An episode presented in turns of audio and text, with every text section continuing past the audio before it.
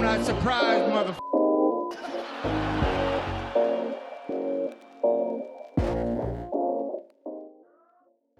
Så jag, jag hade faktiskt en, ehm, jag har en tjejkompis som faktiskt följer dig och Mhm. hade koll på liksom allt det du gör. Jag bara shit, jaha, eh, ja men jag ska ju spela in podd med han. Och, och hon bara, fan fråga om han är singel. jag bara, var det det du ville fråga när du sitter här med en-" För hon gillar också att löpa och Ja, hela den kul. biten. Så, ja. Just det. Eh, nej, det är jag inte. det är, här är det fru och barn och, och hund som ligger bredvid och, och sover. Ja. Så att det är fullt upp. Är det. Men vad kul. Det var ju roligt. Att någon följer mig, höll jag på säga. ja, men du har ju ändå en, en eh, ganska stadig följarbas vad, jag, vad, jag, vad man kan se i alla fall. Ja, nej men jag tänker väl så här, jag är väldigt nöjd med den med tanke på hur lite jag egentligen gör. Eh, nu tänker jag med content så, så är det ju ganska, det är inte, alltså jag lägger ut lite grejer då och då och försöker sprida någon form av så här rörelseglädje, naturupplevelse ligger mig varmt om hjärtat. Så att, det är väl egentligen det jag försöker sprida och det är ganska så här sporadiskt. Lite då och då, lite, gör lite så här reels med lite fin musik till för att försöka få fram den känsla som, som jag känner när jag är ute och springer eller promenerar med hund och sådär liksom. Mm. Ja, men jag, jag har funderat ett tag på, på just dig och, och sen tog jag tummen ur röven och frågade dig om du ville vara med. Just för att dels har ju du en, för mig, extremt lång runstreak. Och det här med Mm. runstreak är ju, det är ju en grej. Man kan ju se det speciellt på sociala medier. Och, eh, och det som jag då tänker lite djupare är att vänta nu, vad ligger bakom den här runstreaken? Vad är det för personer inne, innerst Mm. inne? Vad får de här människorna att ta de här extremt långa runstreaken? Mm. Så att det är också en av de stora anledningarna till varför jag vill prata med dig just idag. Just det. Ska vi gå in på det direkt? Pang bom. Jag tänker att som jag brukar fråga om eh, alla gäster, för de som inte vet vem Daniel Karlsson är, Mm. vem är Daniel Karlsson? Alltså det, är så, det är så mångbottnat någonstans. Det känns som att jag har alltid varit sån som liksom hoppar från grej till grej. Eh, eh, väldigt mycket intressen. Jag brukar känna väldigt ofta så här att ibland kan jag känna så här, eh, mi- misslyckandekänsla med att jag är fan inte bra på något. Jag kan ingenting. Och sen så, och det är väl när jag är elak mot mig själv. Men sen ibland så blir jag väldigt så här hyllande också och känner tvärtom. Jag, fasiken vad jag kan mycket grejer. Och så får jag höra det ibland. Och det, det är väl i och för sig, egentligen är det så här, jag är nog ganska så här, har hyfsat dåligt självförtroende eh, i, i, i botten. Så, och det kommer absolut inte fram. Folk skakar på huvudet, va? Du liksom. Men, men så är det verkligen. Eh, och det har blivit, blivit bättre i olika sammanhang. Men när folk säger till mig liksom, att, jaha, ja, det är klart du kan det också. Får jag höra mycket kommentarer så där liksom. Och då blir jag lite så här, ja just, ja men det är väl, ja det kan jag faktiskt. Så här, du vet. Nej men det är liksom allt. Jag liksom, har hållit på med kampsport, jag kan åka snowboard, jag kan spela gitarr, jag kan spela piano, jag kan åka motocross, jag kan... Nej men du vet, vad ska man säga, så här, jag har gjort väldigt mycket, jag har spelat SM i paintball, alltså jag har gjort så här, du vet, jättemycket konstiga grejer liksom. Ehm, och tror jag att jag har hållit mig lite i ganska mycket det här annorlunda. Jag har ofta fått så här mål och sen har jag nått ganska långt men kanske inte hela vägen inom någonting. Så jag är så här liten medelmåtta inom, inom väldigt mycket kan man säga. Jag fick liksom en dröm om att hålla på med trolleri och då så blev det att jag började uppträda med det och satt och nördade ner mig. Fick en stor dröm om att jag ska göra tv. Och det är ju skitsvårt. Men jag fick ett eget tv-program på, på Barnkanalen, så familje, och så blev det liksom fem säsonger av det och slog tittarrekord. Och, så att, så här, jag tror att jag har alltid... Eh, där lyckades jag väl ganska bra får man säga då. Men inom andra, andra ämnen då så når jag så här, lite mer medelnivå. Liksom. Och sen lägger jag av. Lite så är det med trolleriet nu tror jag. Nu har jag liksom hakat på löpningen för så här, tio år sedan eller något sånt. Och sen får jag en dröm om att jag ska jobba med det och då börjar jag producera lopp. Och nu jobbar jag på Runner Store som är då ja, men en löpbutik då. Um, och, och ehm, sen har jag någon dröm om att jag vill producera lite dokumentärer och sånt där. Då har jag en YouTube-kanal så jag liksom kan syssla med det helt enkelt. Så ehm, nej, men jag är väl en, för att svara på frågan, jag, jag håller på med sjukt mycket olika saker. Um, är nyfiken på livet, nyfiken på att lära mig olika saker. Jag har, försöker ha en så här grundläggande positiv inställning till nya saker. Jag blir lite så här när folk bara säger, fast jag tycker inte om det. Att jag, gör, jag tycker inte om det. Det kan man få säga ibland, men jag tycker folk säger det alldeles, alldeles för ofta till så mycket som de inte vet någonting om. Liksom. Försöker få folk att bli nyfikna på saker och testa och bara se vad är det för något. Sen behöver man inte hålla på med det på någon hög nivå så som jag då har gjort, utan testa loss, typ så. Det är väl... är du Daniel? Åh oh, herregud, den frågan också. 44 är jag. Så det, det är så, um, jag, jag glömmer bort. det, jag har kommit till det stadiet. Vad var det för barnprogram du körde i fem säsonger? Det hette Den itusågade kaninen. Satt, eh, satt i Växjö. Alltså vi, vi spelade in i Malmö, men vi satt för tillfället när vi kom på namnet i Växjö och sa vad ska det heta? Någonting med itusåga, det är ju populärt. Och kaniner är populära, så skojade producenterna. Men den itusågade kaninen och vi bara haha. Men nej, vi körde som arbetsnamn bara på skämt. Och så kom det någon sån där tant som skulle precis gå i pension och bara det är kanonbra. Nej, men vi kan inte, herregud, det är familjeunderhållning. Vi kan inte heta den i tusågade kaniner, det är liksom morbid. jo, men vi ska ha det, vi ska ha det. Okej, vi kör. Eh, så blev det så. Jäklar. Vart, liksom, vart kommer, när du får för dig att till exempel göra tv, du, du berättar ju så mycket grejer mm. som, som du har gjort och har varit med om, men just det här, från typ SM i paintball och piano och gitarr och, och träning mm. och sen bara, nej, nu ska jag ju tv och barnprogram just. Ja, men det, det är lite, det vet jag faktiskt inte riktigt. Jo, nej, men jag tror att jag tänkte lite sådär, kanske förlegat tankesätt att trolleri är för barn. Liksom. Det är ju tyvärr så. Ja, och det, det är lite så Nej, men jag tror grunden var faktiskt att jag såg ett behov, kom jag på. Så var det. det eh, mm. David Blaine och eh, de här killarna var på tv ganska mycket när jag liksom höll på som mest med trolleri. Så jag gjorde mycket av deras trick och då fick jag en idé att tänk att göra ett street magic-program som är lite mer coolt. Alltså lite mer, inte, det behöver inte vara en clownnäsa bara för att det är för barn och så här tokigt att man gör knasiga saker bara, utan liksom jäkligt snyggt producerat. Och ett, ett, liksom, jag tycker att många barnprogram är så daddiga. Alltså tilltalet är liksom så här, men det här, hej alla barn, mm. idag ska vi bara, barnen bara sitter så här, Var, varför pratar de så konstigt? Det är liksom, man kan vara, man kan ha ett annat ett bättre tilltal som jag tycker är mer värdigt till barn faktiskt. Och det var lite den visionen jag hade. Ett snyggt, liksom, snyggt producerat, skönt tilltal som riktar sig till hela familjen. Som går då. Men då var det först på SVT, för jag tror att detta var precis när Barnkanalen liksom var i startfaggorna där. Okay.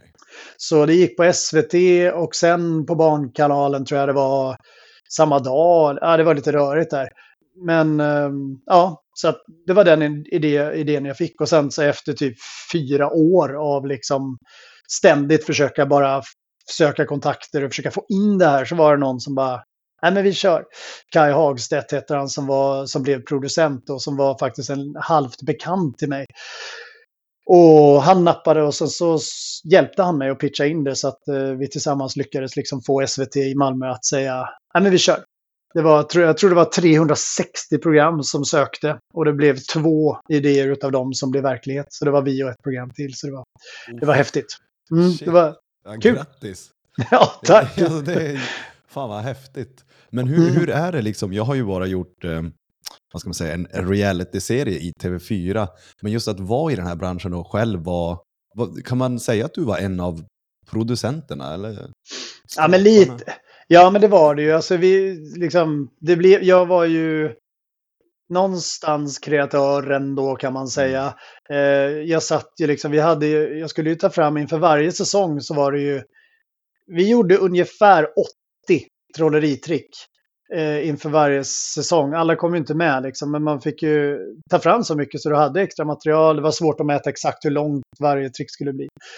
Och så. Så att eh, liksom när, när de ringde och sa att vi vill ha en ny säsong så var det så här. Ja, nej. det var vad fasiken, ska, nu ska jag... Och jag satt ju liksom, du vet, in på typ två, tre på nätterna. Och så skulle jag upp vid fem och spela in. Och bara satt och repade nya trick hela tiden för att få in det där i... Oh, det, var, det var sjukt mycket jobb. Så att... Um, ja, det var tungt samtidigt som det var väldigt roligt. Om, man kan ju ha den här bilden att man liksom, gör man tv så är man, blir man superkändis och superrik. Och mm. är, är det så verkligheten ser ut?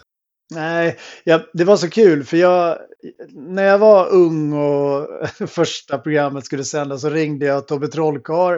Eh, och sen så liksom vi är bekanta så där så jag ringde och frågade lite för att han har ju gått igenom hela, projekt, eller hela processen för länge sedan.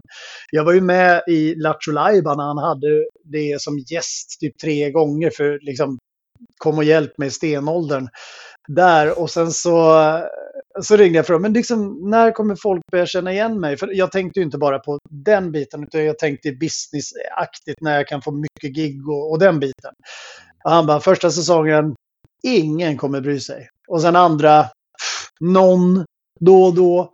Tredje säsongen, ja men då kommer det börja liksom sätta sig. Och han hade otroligt rätt. Första liksom, jag har en, en incident faktiskt efter tre avsnitt hade sänts så gick jag i Vasaparken i Stockholm och skulle gå ut och gå med hunden och jag hade, liksom, jag hade hoodie på mig så här över, syntes inte så. Och sen så kom det två tjejer eh, som var exakt målgrupp och de tittade och så sa de, får vi klappa hunden? Absolut, sa jag. Och sen så började, började de titta på mig så här. Och så pekar de liksom och börjar viska och så. Och jag, det här är jättepinsamt någonstans nu, men jag bjuder på det. Jag tar av mig hoodien och känner så här en wow-känsla och säger ja, det är jag. Och då säger de, du är Markoolio!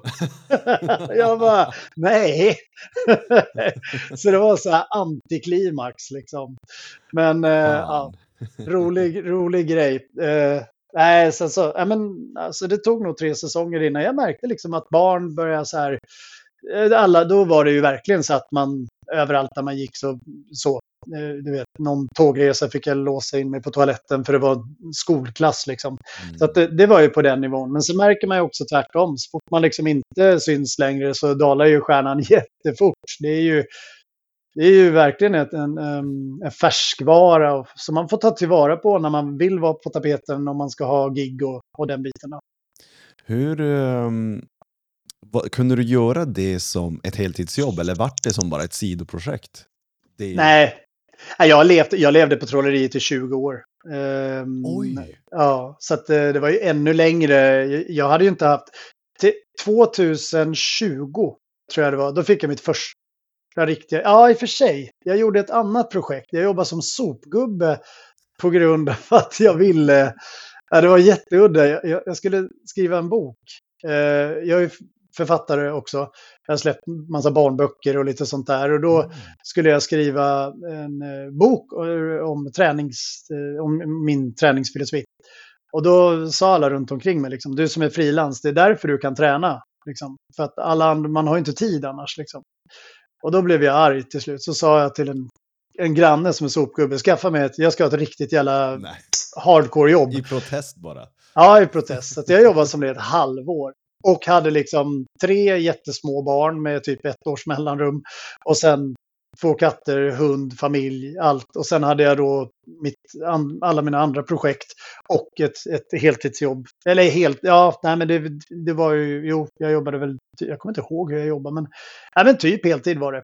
Eh, och så lyckades jag träna precis lika mycket. Så det var ju lite för att bara så här, pff, ta hål på den myten. Liksom.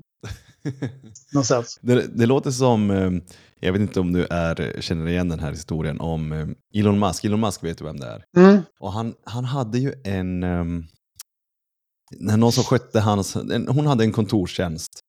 Och, och hon sa att uh, hon, hon har så himla mycket att göra, hon hinner inte göra allting. Och då sa Elon Musk att, men vet du vad du gör, ta ledigt två veckor.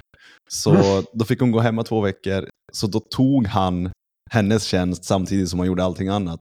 Sen när hon kom tillbaka så sa han, du har inte alls för, lite, för mycket att göra. Du, så fick hon, fick hon kicken. Så. Ja, du ser. Ja, men det ja, jag, ja, ganska bra symbolik eller vad man ska säga.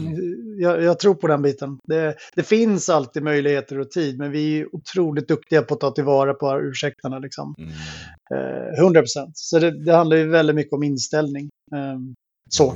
Ja, visst gör det det. Men, men Daniel, liksom allt det här. Det, jag sitter så här typ bara wow, jäklar. Men, men vart, det, vart föddes den här Daniel? Liksom, vart kommer den här lågan ifrån? Allting du gör, hur var, hur var uppväxten? Liksom, Alltså, jag växte upp i Skåne eh, utanför eh, Helsingborg. Så att jag hade ju en sån där otroligt... Jag tror att mina närmsta är nog ganska trött på att höra liksom, hur jag hyllar min barndom. Eh, alltså det var ju så här sjukt. Alltså det var, du vet, mitt i en landsvägskorsning. I du vet så här eh, vasst vasstak, alltså det var så här riktigt lantligt. Bara bondgårdar runt om, kompis som hade växthus, liksom enorma anläggningar där vi sprang runt och täljde våra egna pilbågar och liksom sprang runt och lekte indianer och ja, men du vet, cowboys och allt som man gjorde. Och eh, det, det var ju nonstop roligt. Eh, alltså det var så himla fantastiskt. Vi gick i skogarna liksom och letade ödlor och grodor som vi eh, hade i en stor upp och ner, eller en stor båt, liksom en optimistjolla hade jag. Du vet. Så att det var hela tiden väldigt mycket djur och man klättrade i träd och man bara le- Det var fantastiskt. Så att jag har ju skrivit barnböcker om lite om mina upplevelser och om, om min barndom på så sätt. Så att där, men jag vet inte vad som formades där. Det var väl mer en ett lugn, tror jag. Så att, att jag blev så där riktigt, skulle hålla på med tusen saker, det vet jag inte vad. Det, det, en grej är väldigt konstig, att i hela mitt liv sedan jag var pytteliten så, så, så var jag övertygad om att jag kommer göra någonting som påverkar människor. Jag kommer, folk kommer veta vem jag är på något sätt. Och den känslan gick jag och tänkte på jätteofta. Att jag kommer vara så här ish officiell person i viss mån. Så, och, och jag gick och tänkte på det jätteofta för jag fattade inte vad ska det vara för någonting. Och, och den, den var så stark den känslan. Så det tänker jag tillbaka på jättemycket. Och sen är jag ju liksom en realist i grund och botten. Så att det kan ju vara så att jag bara haft den känslan och sen gjorde det att jag faktiskt tog tag i det på något sätt. Så det behöver ju inte vara något, någonting mystiskt på något sätt, liksom, utan det, det kan mycket väl vara så att jag bara fick för mig någonting och det drev mig till att göra saker som syns. Liksom. Mm. Trolleri, stå på scen, jag hatar, alltså jag är ju, det är det som är så konstigt för att jag har alltid haft så här scenskräck. Så liksom att stå inför klassen och prata. Jag mådde ju på riktigt fysiskt illa i tre månader innan vi skulle ha föredrag. Alltså det var uh, fruktansvärt. Intressant. Ja, den, är, den tänker jag ofta på. Den, just det här när, när det blev så mycket trolleri och du kunde leva på det i 20 år. Mm. Har det också kommit ända från, eh, från att du var liten? Kanske att du fick några influenser av någon? Ja, farfar trollade ju. Han gjorde ju alltid, han hade alltid så här små trick för sig. Han hade något som han kallar för den gordiska knuten som hela släkten pratade om. Han hade någon så här, en näsduk.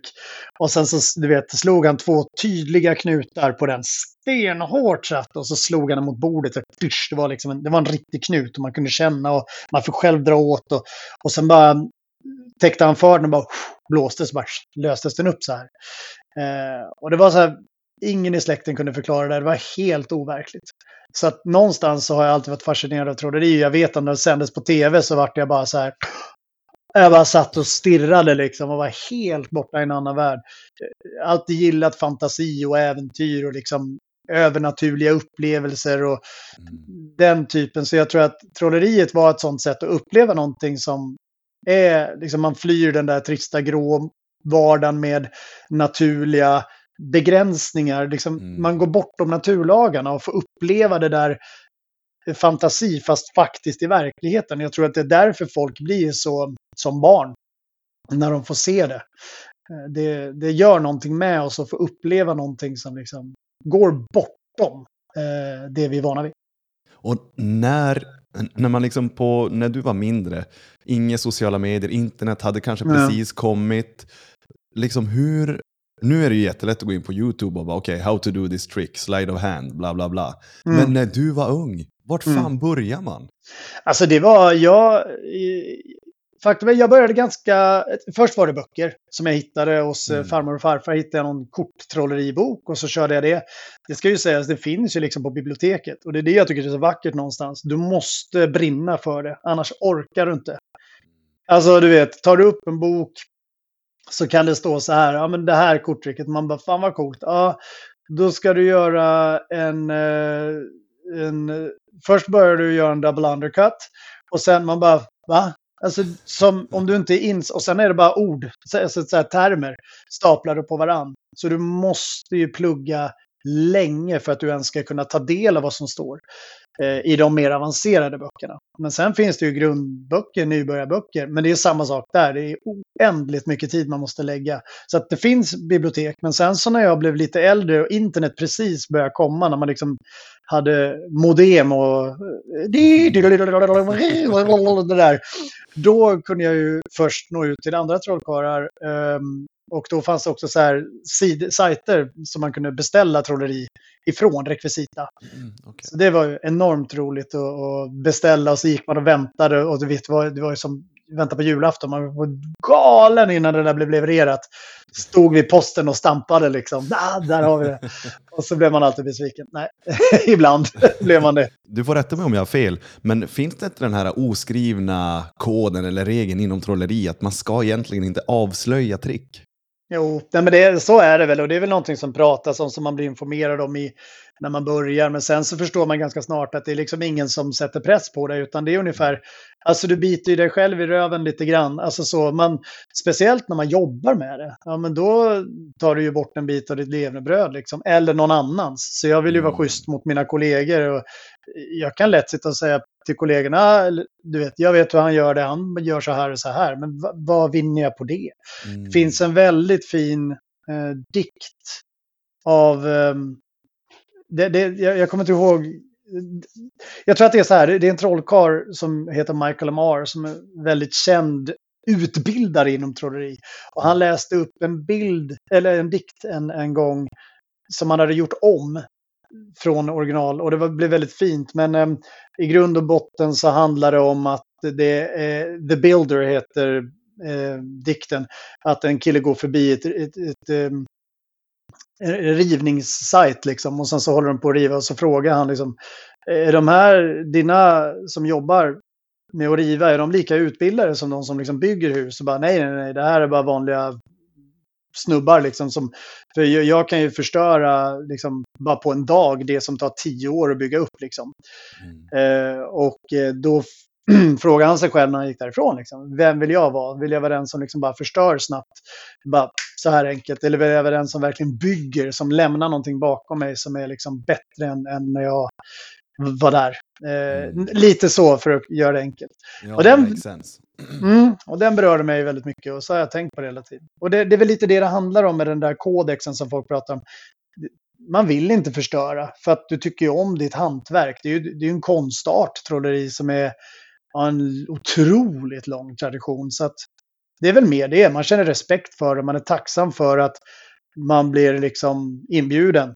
I övrigt då så finns det ju liksom, det finns ju nu för tiden, finns ju, du vet, för det gick ju från att vara VHS-kassetter till DVD-er som Mm. såldes. Och nu kan du bara gå och beställa på nätet liksom filmer och så, så de lär Mm. ut saker. Ja, men det finns ju bara snabbt på YouTube. Jag skulle, går jag nu in och kollar bara, Mm. five tricks, typ såhär Mm. David Blaine tricks eller vad Ja, som visst. helst. Ja, Så det, det är lite sådär, äh, för att jag vet inte hur gammal man var när man faktiskt insåg att men fan, de är ju bara väldigt skickliga på det de gör. Mm. Det är ju inte egentligen magi och trolleri. nej. Fast, eh, men när det, när, det, när det ploppar upp så här bara, så här gör David Blaine, och då blir man så här bara, Mm. jag vill egentligen inte ens veta. Exakt, exakt. Det är lite sådär, det tar ju bort magin. Eh, Ja. Så att eh, ibland får man ställa sig frågan, vad är viktigast här? Att jag vet eller att jag får njuta liksom. Det, det är ju en underhållningsform, men sen är det det som är så fint med det. Du vet. Sen går jag på en sån trolleri-convention. Och sen kommer det bara folk som blåser röven av mig. Alltså du vet, jag bara sitter och skriker. Bara, det här är helt omöjligt det den människan gör liksom. Så att det är ju det. Det spelar ingen roll hur mycket de avslöjar. Egentligen så det är tråkigt så med vissa effekter som liksom läcker ut som är väldigt fina och som folk har liksom lagt ner så många timmar på. Liksom. Eh, det är tråkigt, men så samtidigt vet jag att det kommer aldrig ta slut. Det kommer, alltså, du, vet, du, kan, du kan vara som en vanlig person och plugga YouTube hur mycket du vill. Så går du till en riktig trollis och sen så blåser han arslet av dig. Liksom. Det, mm. det finns alltid folk där ute som twistar och knorrar som är riktiga kreatörer som är helt magiska. Har du någon förebild just inom uh, trolleriformen? Ja, men jag har haft några olika. Jag tror min största är väl Lance Burton, tror jag. Amerikansk eh, trollkarl som är någonstans. Man brukar beskriva det som att det finns liksom en mantel som har gått liksom från den bästa trollkarlen genom tiderna, skickats vidare hela tiden. Och Lance Burton är väl den som har haft den. David Copperfield. David Copperfield blev ju mer folklig också. Fantastiskt duktig eh, show, showman liksom. Men Lance Burton skulle jag säga har det där lilla extra som jag som jag gillar. Mm. Så... Vad tycker du om David Blaine? För han är väl den som är, kanske, jag som kommer från den yngre generationen, mm. det är väl han som är kanske mest på tapeten om jag får säga. Men... Han kom väl precis innan Chris Angel eh, mm. kom också. Sådär. Eh, jag tycker väl, jag tyckte att han var ganska ball när han kom. Alltså det var lite så här, det var ju ganska nytt med den Street Magic-formen i, på tv. Sen, äh, jag vet inte. Jag gillar det här charmiga med trolleri. Det skär... Sen har det blivit så att trolleriet ska vara så här coolt, du vet. De, de har så här asmycket attiraljer och kedjor och guldringar och bara yeah! Det är liksom lite som att det har blivit så här, du vet. De har blivit så här gangstertrolleri liksom. Och det kan jag tycka är lite så här, nu är inte det kanske David Blaine riktigt då, men han tog det ändå till en mer cool och tuff nivå. Och det, och på ett sätt så är det bra, men jag vet inte. Jag gillar den här riktiga sköna skärmen som var förr. Um, mm. Bättre, tycker jag. Kollar du någonting på Brynolf och Ljung? Mm, absolut. Det kan vara några du känner till och med. Ja, absolut. Okay. Uh, jo, mm. nej men vi, Jonas Ljung, uh, Peter och jag har väl en vi har, alltså, ja, men vi känner varandra och sådär liksom. Eh, vi har hängt lite. Jag tror jag repade något trick minns jag någon gång. Jag tror jag sov över hos honom någon gång för herre massa år sedan.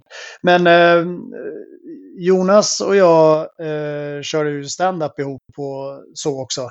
Mm. Eh, jag halkade in på stand-up-biten eh, av en slump. Så jag öppnade upp ett eget stand-up-ställe också eh, när jag flyttade till Stockholm. Och sen, eh, ja men då, vet jag, då giggade jag lite med Jonas, eh, Jonas Ljung då.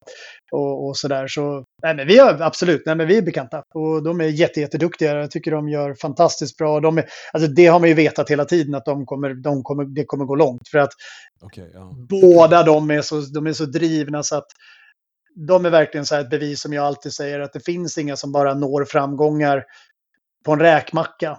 Inte ens influencers, ingenting. Alltså varenda jäkel man känner till, de har lagt ner ett jävla hästjobb. Eh, mm. så är det. Och, och, Jonas och eh, Peter var ju verkligen exempel på det. Som man visste redan innan att det här kommer gå jävligt bra på något sätt. Eh, och det gjorde det.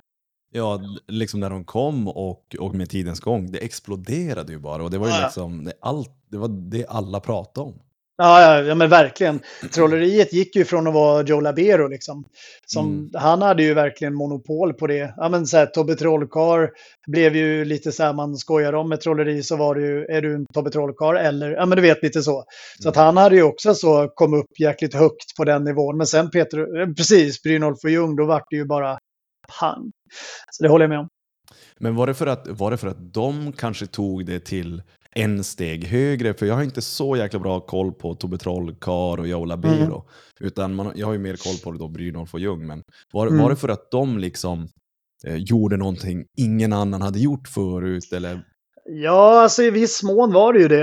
Eh, de nådde ju en helt annan publik också.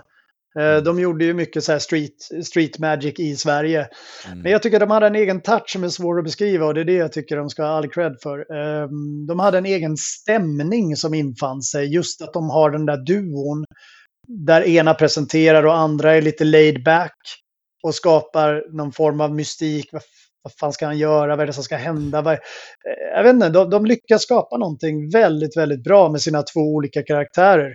Jonas som är den lite mer, ska man säga, ordningsamme mannen som är väldigt tydlig och sådär. Och sen Brynolf som är lite mer då street magic cool, eh, laid back. Så um, nej, coolt. Det, det blir lite Penn and Teller om du har koll på dem. Ja, ja, och, och Ja. visst, eh, det finns ju det här programmet, eh, det här How to Fool Pennant, eller vad den heter. Ja, Fool Us. Ja, Fool Us, den. Mm, Det är häftigt. Ja, det, det, har du koll förresten på, eh, med Brynolf och Ljung, då ber de ju någon gå in i godisaffären och plocka x antal lysmälk, den där chokladen, och sen när de kommer ut utan att liksom Mm. så vet de exakt hur många godisbitar det är i påsen. Vet du hur man gör det? Bara ja eller nej, vi behöver inte gå in på det mer. Eh, ja, lite Okej. så. Mm. Är det, är- är det mycket som är, när det är tv, är vissa grejer uppgjort? Nej, ja, ja, uh, nej. Ehm, det längsta jag kan avslöja är att du ser inte allt som händer, Mm. kan man säga. Mm, Eh, jag lite så. Du kan, du, du kan ha lite nytta av tv, eh, kan man säga. Eh, som du kanske inte kan ha annars. Men för att vara ändå tydlig så är det liksom att de som är på plats upplever det. Det de gör och det de, att de är chockade och allting, det är på riktigt. Eh, Så att det, de har ju aldrig någonsin gjort något sånt. Det har inte jag heller i mina program, liksom, någonsin hyrt in någon. Om det inte är uppenbart. Jag har ju hyrt in folk eh, som är med på det ibland, när jag, fast sen gör jag det uppenbart sen. Mm. Att det var ett skämt, liksom, att det blir så här, man fattar att det är uppgjort. Men eh, de luras inte på så sätt. Att de, Okej. Nej, utan det, det tror jag inte de, eller jag, ingen skulle kunna nog leva med sig själv. Och så kommer jag på att det finns exempel på det här uppgjort. Men inte, inte, inte Brynolf och Ljung i alla fall. Och, eh, eh, den. Men det finns andra på YouTube och så som har mycket uppgjort. Ah, shit, det är, så, det är så jäkla intressant. Och sen också när du säger att du är för den här kanske fantasivärlden, då, då blir jag direkt Mm. så här, tror du på spöken? Nej, tvärtom. Eller Jag, spöken. jag är vetenskaplig skeptiker. Man blir lätt det. Och det innebär att jag inte att man är skeptisk till vetenskap, utan precis tvärtom. Utan jag förlitar mig på vetenskap och tycker att det är den bästa metoden vi har för att beskriva verkligheten och förstå verkligheten. Mm, och förstå allting som vi upplever. Och eh, jag är väldigt insatt i just medium och det här. För att när man, Mm. när man håller på med trolleri på den nivån så länge som jag har gjort så förstår man så mycket om hur hjärnan fungerar. Och man förstår hur lätt det är att lura hjärnan. Och hur dåliga vi är på att uppfatta verkligheten. Så när jag tittar till exempel på medium och sånt så är det helt... Jag fattar precis, jag kan ju alla tekniker. Det är de tekniker vi använder. De har ju tagit dem av oss. Och därför blir det så himla konstigt. För mig är det lika konstigt när någon sitter bredvid mig och tror på det här. Som att, att på riktigt att sitta på en scen där någon sågar itu någon då, ish. Mm. Och så säger de, "Ja, men det är ju på riktigt, kolla. Och så säger jag, fast det är ju, jag vet ju hur det går till. Så här, nej, nej, nej, det kan du inte veta för det där är på riktigt, för jag vet det. Det, det, det är lika dumt att man skulle tro på det. Eh, så att, eh, nej, jag har inte mycket till övers för medium. Jag tycker inte om dem. Det, så kan det är jag säga. intressant att du säger det, för jag är faktiskt lagd åt det hållet också. Jag, jag blir så här, Mm. när man, just det här med att ta kontakt med eh, familjemedlemmar som har gått bort för 15 år sedan. Men jag känner nu att min farmor är i rummet. Och Mm. jag säger bara, det, det måste finnas någonting som... Det finns någonting jätte- står inte rätt till. Nej, och det finns jättemycket olika tekniker. Det är alltid, det är alltid så här, det är kul att se utdrag, för man har gjort så ibland att man har liksom spelat in hela sådana här seanser. Och det de, det de berättar, de som är med om det, de säger ju, ja men hon kunde säga min farmors namn. Hur kunde hon det? Mm. Och jag sa ingenting. Sen går man tillbaka och visar dem inspelningen vad som egentligen hände. Då har ju de totalt felaktiga minnen. Först och främst så var det du som sa att det var din farmor. Mm. Eh, det var du som hon gissar på lite bokstäver. Några är fel tills de träffar rätt. Och då är det fantastiskt. Vi, vi har väldigt lätt för att minnas eh, det som är rätt och glömma det som blev fel. Därför att djupt där inne när man är på en sån, du vill ju tro. Du vill ju få kontakt med din farmor. Och när du har de där teknikerna, då är det inte skitsvårt att få någon att uppleva att de att det är på riktigt. Det är väldigt busenkelt faktiskt. Det, men det, det låter nästan som lite så här lurendrejeri. För de kan Mm. säkert fakturera en stor summa pengar Mm. för att få folk att prata med sina föredettingar. Definitivt, och det de orsakar är också enormt mycket smärta därför att det Mm. finns en vikt i att ta liksom farväl av sina nära och kära och hitta en acceptans i att de är borta. Det de gör är att skapa hela tiden någon form av, alltså de, de kan aldrig kapa banden, utan de är hela tiden där på något sätt. Och det man har sett ganska mycket är att det, folk mår dåligt av det på något sätt. För att det är hela tiden osäkert och sen går man och tvivlar ibland. Och så, det blir inget bra avslut och man kan inte riktigt släppa det. Och det behöver man göra för att gå vidare i sitt liv. Och det tycker jag är djupt tragiskt faktiskt. Eh, Men det blir ju, det är exakt som du säger. och sen så går de runt i, i tron på att eh, de har någon högre makt över sig eller någon Mm. högre power som de, de kan få kontakt med någon. Och Ja. det är så här bara... Och de där, och de där medium också, alltså man, det är så, om man är lite duktig på att känna av människor så är det ganska uppenbart att det är ganska ensamma människor som har någon form av eh, bekräftelsebehov. Ehm, Man ser på leendet hur de inte kan sluta och känna sig så jädra speciella och stolta när folk liksom bara wow. Så, åh, så blir de liksom så här, mm, de är lite här uppe. Och det, det är personer som gillar att känna det där. Eh, och sen märker man ju själv när jag med flera ifrågasätter eh, officiellt så är det ju hot. Jag har ju mottagit flera eh, hyfsat allvarliga hot när jag har gått ut och lite debankat som det heter och förklarat för människor vad det är som egentligen, hur det där gick till.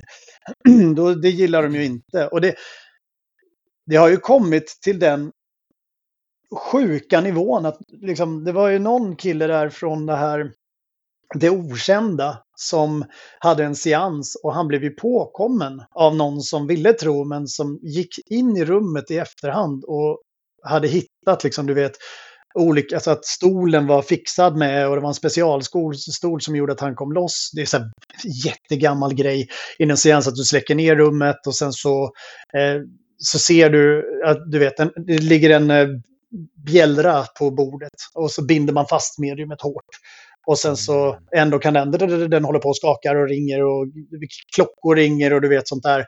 Och sen så tänder de lamporna och då sitter mediumet fast igen. Och det är ju en specialstol eh, där de kan komma loss. Eh, det, och sen kan de sätta fast sig själv igen. Det är ett gammalt trolleritrick liksom. Som de har då, det är väldigt så här medium, så här, det paranormala och trolleri, liksom två cirklar som överlappar lite så här. Mm. Man tar hjälp av trollerimetoderna och även ska säga tvärtom också. Eh, många gånger är det ganska smarta grejer som man sen tar in i underhållningsbranschen. Mm. Eh, för det funkar väldigt bra. Och eh, den här killen då som gjorde det, han blev alltså påkommen och han erkände. Och sen så fick han en konstig förklaring att "Nej, men jag gör det här för att jag så gärna vill att ni ska förstå att det är på riktigt. Han bara, Oj. nu ska vi se, jag kan inte lägga ihop. Vad säger du? Ja. Och sen alla då, alla hans följare som man tänker ska bli jättebesvikna och arga. Nej, nej, de hyllar honom. Och sen tror de ännu mer idag. Det, vilket är så här, där ser man att vill du tro, fine, go ahead. Men gör det liksom. Jag, ingen kan övertyga dig för att du, du vill för mycket. Det är lite, det låter som flat earther. Ja, men lite, lite så. Det spelar ingen roll liksom om de får bevisen. Jag tror att de skulle kunna åka ut i en rymdraket och bara se det här och skulle de bara, nej, det är en projicering. Nej, nej, nej, nej. Jag är ett hologram. Nej. Det skulle liksom vara, ja, det är svårt. Vad var det för incident, liksom när, när du debankar de här? eh, hur kommer det sig att du fick för dig att, att göra det? Jag var väldigt inne på det ett tag, en period i mitt liv. Så, mm, det, var, det var när det här det okända och sånt var väldigt, väldigt hett och man såg hur folk for illa. Folk blev av med liksom alla sina besparingar på grund av att de gick med dem och lämnade till medium. För de, det, vi vet ju alla att det kostar ju väldigt mycket pengar att ta kontakt med döda. För de gör ju inte det för pengarna utan de vill ju så himla väl. Men jag behöver nog ändå 5 000 idag och 5 000 nästa gång. Jag tror att det är bäst. Så, så det är ju bara så dumt. Eh, och då blir man ju arg och irriterad. Liksom. Speciellt när det är så uppenbart liksom, vad som egentligen pågår. Så att då var det mycket att man var inne på internetforum och jag hade en blogg och gick ut väldigt mycket och det fanns andra som var väldigt engagerade. Eh, och då, jag startade också upp någonting som kallades för MUNK. Eh, Mediums United mot katastrofer. Det var väldigt roligt. Det startade upp, jag och min fru, fru gjorde det. Och det var ju tanken då att man skulle, de kunde ju förutse framtiden, eh, många då. För att det kom alltid när det var en katastrof, så efteråt så bara, det här förutsåg jag. Så sa jag, vad bra, ska vi försöka förutsäga någonting innan det händer istället? Och sen finns det ju så här distanshealers som kan hila på distans. Då sa jag, men då samlar vi alla de här mot katastrofer. Så först och främst kan vi förutsäga och då kan vi förhindra att det händer. Men om det nu trots allt skulle hända, då har vi alla de här healersarna som kan läka de där människorna på plats. Och så här, ärligt talat, skulle det finnas, hade inte det varit en skitbra grej? Det hade varit, men alla de blev ju fly förbannade. Och bara du vet, gick man ur huset och jag skulle ju typ dö, fick jag besked om. Och, ja, jag var ju fruktansvärd människa liksom. Och jag försökte bara säga, men hej, jag försöker göra något bra här. Mm. Om det funkar, då kan vi väl göra det. Nej, det är inte så det funkar. Nej, okej, okay, det fungerar bara förut i efterhand. Jag fattar. Och hila människor som inte är sjuka. Okej. Okay. Ja, men då... ja, det är märkligt.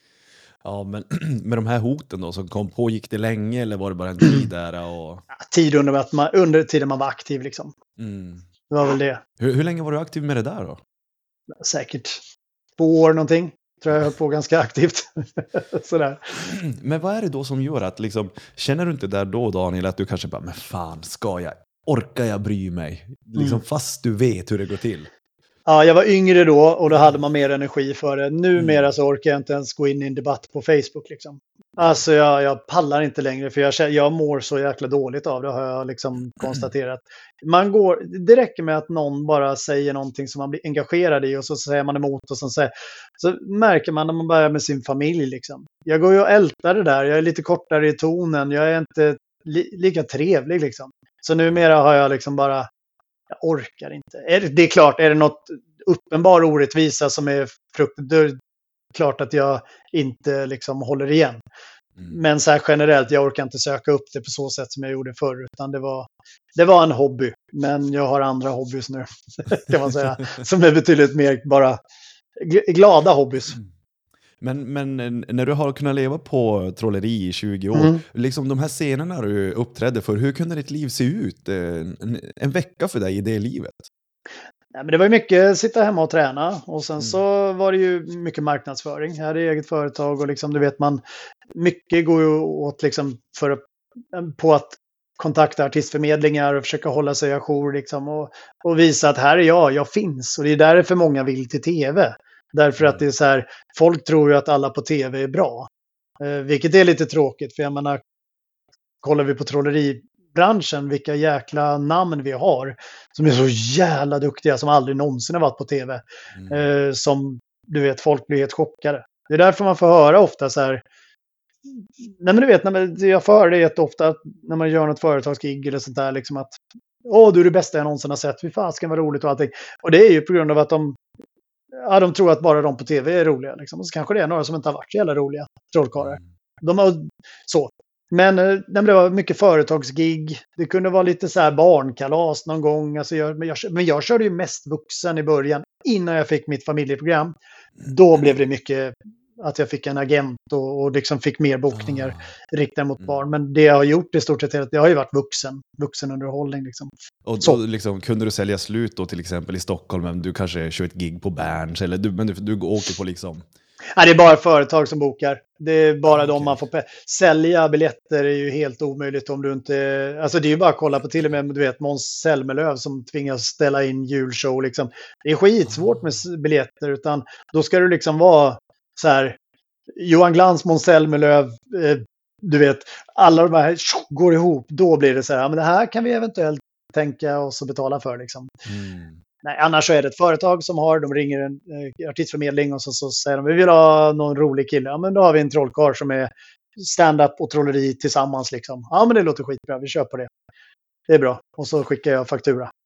Vad, inom stand-upen då, vad har du för eh, förebilder där? Hur, hur, hur insatt är du i det nu? Nej, inte alls. Jag, jag, alltså, då var det ju så mycket som att då gick vi ju på standup konstant. Det var jag, eh, jag började uppträda på en kompis, eh, Marcus Palm heter han. Han hade ett ställe som heter Systerbror standupklubb. Eller det, det är en restaurang, eh, men körde standup på restaurangen. Då. Sen öppnade jag upp ett eget ställe på en annan restaurang eh, med, med, med eh, stand-up. Och sen så var det enda vi gjorde. Alltså vi, det var ju vårt liv liksom. Vi är ju bara stand-up till, till stand-up-ställe och du vet åt och drack gratis. Och det var ju en del av anledningen till varför jag började springa sen. För att det var jävligt ohälsosamt. Sjukt mycket dålig, dåliga intag kan man säga. Mm. Eh, av, de olika, av olika slag. Och sena nätter och, och sådär. Så vi, vi hamnade ju liksom i pokersväng och massa mm. sånt där. Eh, så det vart ju mycket stand-up och poker på hela nätterna och du vet, och dricka och så. så att, nej men jag och jag, förebilder finns lite olika. Jag har väl alltid varit en sån som gillar Johan Glans och så. Mm. Tycker han. Men, men däremot så det finns så många. Jag tycker att svensk standup får oförtjänt kritik ganska många gånger. Ibland är den välriktad, men, men så här generellt sett. Folk säger så här till exempel, jag tycker inte om Måns Möller, han är så jävla skrikig. Och sen är det så här, men vet du vad, bara skit i och sitt framför tvn och bedöm. Utan bara, bara gå, gå till en liveföreställning. Liksom. Mm. Jag har aldrig sett någon som har tråkigt. Jag har aldrig sett någon som inte skrattar så de gråter. Liksom. Alltså det är alla är bara, det, och då är det liksom sådana som har sagt att de inte gillar Måns Möller till exempel. Mm. Så att, eh, det, nu är det ett exempel. Han är en av de främsta, absolut, tycker jag, då, på så här, att leverera improviserat. Och, sådär. Mm. Men äh, det finns jättemånga som är, som är duktiga. Men det, det, det var det som var så roligt, liksom, att jag, jag var ju med där precis när jag startade mitt ställe. Så var det så många som idag är kända som började. Kodjo Akolor började. Körde på mitt ställe Björn Gustafsson precis mm. innan han blev enorm i Melodifestivalen. Mm. Så jag mm. kommer ihåg liksom när han skulle gästa och jag var konferencier. Och folk höll på att slå sönder fönsterrutorna. Så det var, det var kaos. Och jag öppnar dörren till låsen liksom, och han är borta. Och jag får panik. Stänger dörren och så bara hör jag så här, Daniel. Så står liksom Björn bakom dörren, bara en liten pojke liksom. Och bara helt så här, vad tycker du om det här? Och jag bara, det, detta var ju efter att det i Melodifestivalen. Och jag liksom bara, ja det här är ju sjukt. Alltså du var, har gått från att vara en rookie till en superstjärna så. Mm. Du vet, och det, ja, så att det var, jätte, det var jätteroligt. Det var många liksom. Det var mm, Petra Mie, det var ju ny också, körde mycket på min klubb. Då, alltså alla de här. David Reed, eh, massa olika. Eh, Hasse Brontén och ah, massa. Så det, mm. det var så roligt att vara, fått vara med liksom dem. När de... ja, men det kan jag tänka mig. Och sen också, något jag tänker, du som har varit inne i komedisvängen, det är ju det att, som jag följer mycket Joe Rogan, Bill Burr och, och hela, hela dem. Och, och det är just det här som de också pratar om, att eh, det är så svårt att vara stand-up-komiker idag, för att man får inte skämta om lite, det är liksom, det ska som skämtas ja. inom det här.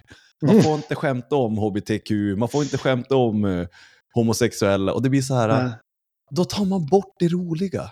Ja, men det ska ju chocka lite grann. Och jag kommer ihåg som Fredrik Andersson är ju väldigt het nu på nätet och han, han kör ju, han, var ju, han är också trollkarl i grunden så att han och jag har ju trollat loss tillsammans och så. Och han, han eh, sa någon gång, jag hade kommit in i standup-svängen och han hade inte det.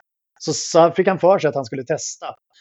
Så han jag vet att jag var i Gamla stan och han gick i, vi körde någon fika och han gick igenom sina skämt och jag kände bara, vad fan är det här liksom? Jag, jag hade svårt att se riktigt sammanhanget och har alltid varit dålig på det. Dålig på det. Jag tycker att typ, jag har suttit bakom backstage när typ Henrik Schyffert och eh, vad heter det, olika andra komiker så här har suttit och du vet, bara, ah, men vad tycker ni om det här? Du vet, dragit skämt. Jag tycker sällan det är roligt då.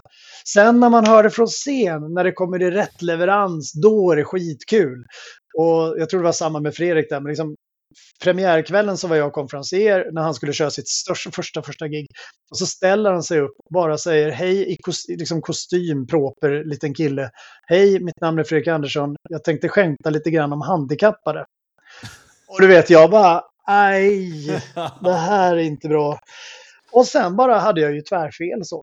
För han lyckades vrida på det. Så att det är det folk fattar inte. Han skämtar inte om handikappade. Han gör ju en karaktär som är rolig, som tycker att det är okej. Okay. Alltså, det är inte så enkelt som man kan göra det. Han säger ju ingenting att en handikappad på något sätt är rolig. Utan det blir ju bara hans karaktär blir jävligt rolig. Som tycker att det är okej okay att ställa sig där uppe och ska skämta om handikappade. Det är så jävla korkat liksom. Så det blir roligt. Lite så. Så det finns en djupare grej än, än bara det. Liksom. Mm. Eh, och det har ju blivit hans signum också. Att alltid ha en undertanke som ingen ser komma. Liksom. Den, den, eh, så. Han är ganska oförutsägbar och det är det som mm. gör han väldigt rolig. Och som du ja. säger, han är, han är ju liksom het nu. Man, när man scrollar liksom på Instagram, han ploppar ju mm. upp lite grann överallt. Och det är så, ja, ja, vad fan. Ja. ja, ja. Han, är jätte, han är jätteskicklig på um jag vet att han, vi har pratat lite grann om min YouTube-kanal och sådär och han har gett massa tips och han är väldigt påläst. Han har ju otroligt mycket tips att ge och så att det, det är samma sak där. Det är hårt arbete för att liksom mm. kunna nå ut så som han har. Eh, självklart med, med sjukt bra skämt också liksom, men det finns andra som har väldigt bra skämt som inte alls lyckas bra på nätet så. Så att eh, han är jävligt duktig på det han gör. Liksom. Du nämnde också tidigare att eh, liksom, i den här krogsvängen, i barsvängen, så kom du in på träningen, Daniel. Mm. Och, ja. Nej, men det, precis, det stämmer någonstans. Alltså, det var ju lite så här, eh, vi fick reda på att vi skulle få en dotter. Eh, och då blev jag lite sådär att äh, men nu kanske det måste ta slut det här på något sätt. Det kan inte vara varje natt, liksom vakna vid tre på eftermiddagen, liksom, det funkar inte. Och sen så tänkte jag, vad ska jag göra för någonting? Och då började jag fundera på det här med löpning är det lättaste. Alltså oavsett vad man tycker om det så, så är det ju väldigt enkelt att ta till. Det är ju egentligen bara ett par löpardojor Eh, och sen utanför dörren och sen bestämmer du själv när och var och hur du ska springa. Så då eh, tänkte jag att jag ska ta tag i det, men jag hatade ju löpning. Det var ju absolut, alltså det har varit, du vet folk som säger till mig idag, nej inte löpning för att jag hatar det, jag bara pff, håll min öl. Du, du vet inte vad hata löpning är för någonting. Alltså jag, jag kan nästan garantera att jag, jag, jag, skulle ha vunnit SM i att hata löpning i alla fall. Alltså det var, det har alltid varit så. Det har varit det fruktansvärt, det har varit det tråkigaste man kan göra. Och då kom ju idén att tänk om jag skulle kunna förändra den bilden. Mm. Tänk om jag kan ändra det. Om jag, tack så mycket, kom en hund och skakade på sig. Tänk om jag kan ändra på det liksom. Då skulle jag ju kunna lyckas med allt. Då skulle jag vara kung liksom. Det, och då börjar jag fundera lite så här, vad är det som gör att vissa liksom lyckas med träning överlag och är väldigt positiva? Vad är det som gör att andra sitt, tycker att det är tråkigt. Och, och då kommer jag in på det här att det handlar liksom om den inre inställningen vi har. Typ om jag säger löpning till dig nu så startar ju liksom en serieprocess av liksom kemiska processer i ditt huvud med olika förnimmelser, tankar och värderingar. Och du får liksom en, en, en bild av vad löpning är för någonting. Personligt för dig, liksom. Mm. Baserat på allt du har varit med om. Eh, och den bilden ser olika ut hos alla. Och det jag kom fram till var att man kan förändra den bilden. Eh, så jag började med i stort sett bara radera mitt hat till löpning och bara, du vet, sa till mig själv att nu, nu lägger vi ner det. Nu börjar vi om. Men jag tänkte just det Daniel, när du, säger bara, när du bara säger så här, jag raderade den, då kommer man mm. tänka så här, men det är ju inte bara att radera den. Ja, men det var, jag tror att om, om man kommer tillräckligt djupt in i sig själv liksom, och verkligen sådär, så här, om du verkligen vill mm. liksom lyckas med det, då kommer du kunna på något sätt acceptera den processen. Att bara, alltså så här, ja, långt bak där så har jag fortfarande mina erfarenheter kvar och så. Men jag bara accepterar att nu ska jag tänka om, punkt slut. Nu skiter vi i det andra. Och sen börjar jag då tänka, vad är det jag inte tycker om med löpning? Ja, men det är typ andfåddhet som det bränner i halsen. Låren skriker. Jag har syrebrist i hela kroppen. Och det är bara allmänt asjobbigt och jag vet att okej, okay, nu ska jag hålla på med det här i liksom 20 minuter till. Det, det är ju helt vedervärdigt, det är ju helt meningslöst. Och då tänkte jag så här, okej, okay, men kan jag springa utan att uppleva det? Vad ska jag göra då?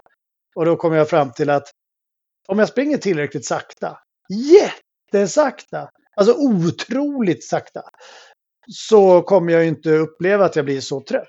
Inte så snabbt i alla fall. Och sen stannade jag innan jag blev så trött. Och det gjorde jag. Och eh, då vet jag att det stod en granne ute och tittade. Och då ökade jag farten som fan när han tittar. För man vill ju inte vara så fjantig. Och då var då jag uppfann begrepp som jag kallar för fjantlöpning. Som jag skriver i min bok Run Streak. Eh, Eh, och det innebär då att eh, egentligen att man, man är ingen fjant när man springer. Man är alltid duktig när man springer. Men eh, man ska känna sig som en fjant. Alltså man ska känna att det är liksom verkligen pinsamt. Pinsamt eh, långsamt. Och det räddade mig. För helt plötsligt kunde jag ut i naturen, vilket jag älskar, har alltid gjort. Och så kunde jag uppleva löpningen. Men jag, alltså jag sprang typ saktare än vad jag gick. Mm. Men jag gjorde löpsteg. Precis. Och sen fick jag ju utifrån det bättre kondition också. Så till slut kunde jag öka lite hastighet utan att det blev på bekostnad av att jag liksom skulle känna det här jobbiga. Utan det kändes okej. Okay. Och efter ett tag så kom jag in i det så pass att jag började bara, jag gick ju från att aldrig ha sprungit tre kilometer i mitt liv till att springa tre, fem, sex, en mil, 13, 20, 21. Alltså det bara, oh, så fort gick det sen när jag väl liksom kom in i det därifrån bara gick det rätt upp. Och, och du, och, hade liksom, du, du har som aldrig sprungit förut då i hela nej, ditt liv? När du liksom nej, jag har bara ägnat mig åt sporter liksom. Ah. Alltså du vet, så här, lite fotboll, väldigt lite. Basket har varit en stor passion. Så jag har bara sprungit med en boll typ, eller sprungit i innebandy eller men du vet sånt. Mm. Men aldrig utanför det. det och, nej, fan, det, så, det var så tråkigt. Och sen så lyckades jag väl någonstans hitta en annan bild av vad löpning är. Och det är väl det jag försöker förmedla till folk nu också. Att det är inte bara att sätta ena foten framför den andra för att få upp lite flås. Det är så himla mycket mer än det liksom. För mig är det bara en pytteliten del. Och jag kom ju in i det här med ultralöpning också. Liksom att springa ultralöpning per definition är ju att springa då längre än ett maraton. Mm. Eh, allting utöver det. Och så finns det olika distanser. Det finns till exempel miles är det många. 100 miles är en sån där klassisk då, 16 mil, 50 miles, 8 mil. Ja, så finns det många ultror som är 5 mil, liksom. 7 mil, så. Men ultra också som begrepp går ju bortom det också. För att äh, ultra betyder ju att gå bortom. Mm. Uh, så ultra för liksom min granne kan ju vara att springa en mil. Mm. Uh, rent filosofiskt så är ju det liksom ultra. Eh, och det är det, den ultran jag tycker att man ska, alla borde liksom försöka. Och det är också anledningen till att jag vill att folk gör det är egentligen att någonting jag brinner för är ju det här att folk måste känna lite mer friktion i livet. Mm. Allting är så lätt för oss. Vi har ingen friktion längre. Och nu pratar jag generellt. Det finns de som har det astufft, självklart. Men generellt sett så har de flesta av oss det oförskämt bra. Och när man har det superbra och du inte har någon friktion, då kommer minsta lilla friktion kännas så in i helvete jobbig. Bara att gå till ICA och bära hem kassarna är för många så här, aldrig i livet, jag tar bilen liksom. Mm. Och det är till och med jobbigt ut till bilen. Alltså det är så här, och när man får slita ordentligt och verkligen känna sig låg och liten som människa, som jag är övertygad om att du fick känna många gånger i liksom elitstyrkans hemligheter, sådär. När man bara är en pytteliten fjant rent ut sagt. Man är helt avskalad på det där lagret och man är någon speciell liksom. När man kommer till den punkten så blir man så jävla ödmjuk inför livet och man bara känner att allting annat känns så jävla lätt. Så man bara kommer hem och ler. Och bara, när barnen bråkar, man bara ler. Vet ni, sluta. Alltså man har sånt tålamod. Uh, medan annars så bara brinner det så här. Man bara, lägg av! Liksom så här. Så att det är, jag tycker att vi människor, vi behöver mer friktion i livet. Det går alldeles för lätt. Det är så, jag är så med dig där till 100% Daniel, för det är exakt som mm. du säger. Till exempel efter elitstyrkan, när man kom hem därifrån. Mm. På den tiden jobbade jag i gruvan uppe i Kiruna och då hade vi ganska tidiga skift. Vi började fem på morgonen. Mm. Och då stiger man ju upp fyra, kvart över fyra. Och första veckan när jag skulle jobba där igen, första dagen när jag är hemma och ska stiga upp, klockan ringer klockan fyra. Och jag känner så här att förut har jag tryckt på snosknappen. Och nu bara, och du vet så här nu, jag bara, varför har jag gjort det? Ah. Jag, det är så här, jag är så lyckligt lottad som har, kan liksom med bara gymnasial utbildning och plocka ut 30 000 i handen, jobba 5 eh, till 1 så här jättebra tider, tidigt då, men, men ändå sluta Ja. tidigt. Och bara så här, va? Du förstår Ja. vad jag menar lite grann? Ja. Jag fick känna på friktion i elitstyrkan, kommer hem och bara "Mm, förstår inte ens varför jag har tryckt på snooze förut, för nu var det så självklart. Jag ska ju stiga upp nu, jag ska ju till jobbet. Ja, Så att jag är ska bara göra med. det här. Ja, Ja. ja. exakt. Och det är Ja. lite så jag vill leva nu också, till exempel när man tar de här äh, kallbaden, kallduscharna, eh, man fastar. De här små, små etapperna varje Mm. Ja. dag som gör att, ja men fan, varför klagar vi egentligen? Men, Ja. vet men, men, men vi, det är som du säger, jag tränar ju mig då samtidigt dagligen för att kunna ta det här. Så Mm. att skulle jag behöva promenera med kassarna hem från Ica så känner jag att det kanske inte är hela världen. Nej, det är ingen stor grej liksom. Och jag tycker det är så... Och då kan man ju någonstans kanske tänka att ja, men vadå, då lider du ju där istället liksom. Mhm. Alltså nu att det beror på, så här, att poängen är att vi inte ska lida och därför Mhm. måste vi lida. Det blir ju Precis. någonstans en paradox, men däremot så är jag övertygad om att när du gör dina äventyr eller dina små utmaningar och, och kallbaden och så, så kan du också tycka det är jävligt kallt självklart. Jag Och att- hatar det. Ja, men så, samtidigt är det också så här, så jag är övertygad om att du har så här en... När du tänker på dina kallbad som helhet så är det ingen negativ upplevelse. Det är mer de specifika är jobbigt, men du är väldigt stolt över det du gör och känner att du gör något bra. Så att det är Mm. ingen lidelse som innebär, liksom när bara bära saker tungt eller vara med om så här jobbiga grejer, det är bara dåligt, bara tråkigt. Men att för mig att gå ut och springa och lida och springa ganska långt, liksom bortom det jag tycker är bekvämt. Liksom. Så är det ändå ingen lidelse på det sättet. När jag, liksom, det, det är svårt att förklara. Men det, det, blir ju, det blir ju en grundläggande positiv inställning man har till den lidelsen. Oh ja, vad är längsta du har sprungit? Eh, tio. Det är 10 mil. Ja. Och, Så att jag, jag är ju verkligen, eh, jag är ju liksom inte, har inte sprungit så jättelångt och sådär jämfört med liksom väldigt många. Och det är det som blir så här skevt liksom när man jämför med, ja men en bekant har ju svenskt rekord i sex dagars och har sprungit 88 mil. Och det är liksom så här svårt att liksom, och då tycker man allt annat under är så här jättekort. Någonstans. Så att det är liksom, det blir ju så. Men för mig är det så här, jag är fortfarande ingen bra löpare, sanning med modifikation. Alltså jag kan grejer om löpning, men jag är ingen, nej, ingen liksom så här superlöpare på något sätt så liksom. Och därför så är kanske min gräns för liksom vad som blir jobbigt, det kommer lite tidigare än, än för många andra liksom. Sen är det ärligt så att jag har inte, jag skulle kunna ta mig mycket längre självklart, alltså om jag tränar på rätt sätt och så. Men har så många olika projekt så att nu har det fallit lite i, så bakåt. Det börjar vakna just nu, en liten vilja om att springa till exempel 100 miles, eh, göra något sånt eller ja, någonting. Det börjar komma lite sådana små grejer. Men när du säger att du är inte nog bra löpare, i så Mm. fall, vad är en bra löpare för dig? Det beror på. Det finns ju olika typer av löpare. Det finns bra löpare som är bra på att ha pannben rakt av. Som har en grundläggande liksom bra fysik. Men som med sitt pannben kan pressa sig långt, långt, långt, långt, långt bortom vad de flesta kan. Mm. Eh, Sen finns det ju de som är liksom som en kollega till mig som liksom du vet gör halvmaran på 1.09. Mm. Och du vet sånt där. Det är, han är ju tekniskt sett mycket skickligare och har en annan form av kondition som, liksom, som jag saknar och som den här andra personen som, som har pannbenet också saknar. Så det finns ju, det beror på, lite vilken genre liksom. Och så finns det de som är överlag tekniska löpare eller rent löptekniskt. Eh, finns det ju också då. Eh, så att det beror på vilken löpare. Mm, ja, men precis. Och jag menar nu, du är ju över 2000 dagar i din streak, va? Ja, precis. Jag kollar upp nu, för varje gång man gör en intervju så måste man veta. Så 2000, 2044 dagar är det som jag ska, nu har inte jag sprungit idag än, jag har tagit en powerwalk har jag gjort, men jag ska ut och springa sen. Mm. Och liksom, vart föddes den? Kom den i samma veva som du liksom tog upp löpningen, eller kom den här streaken som en idé lite efteråt? Nej, det var så här, jag, jag, jag blev intresserad och fascinerad och imponerad av ultralöpare.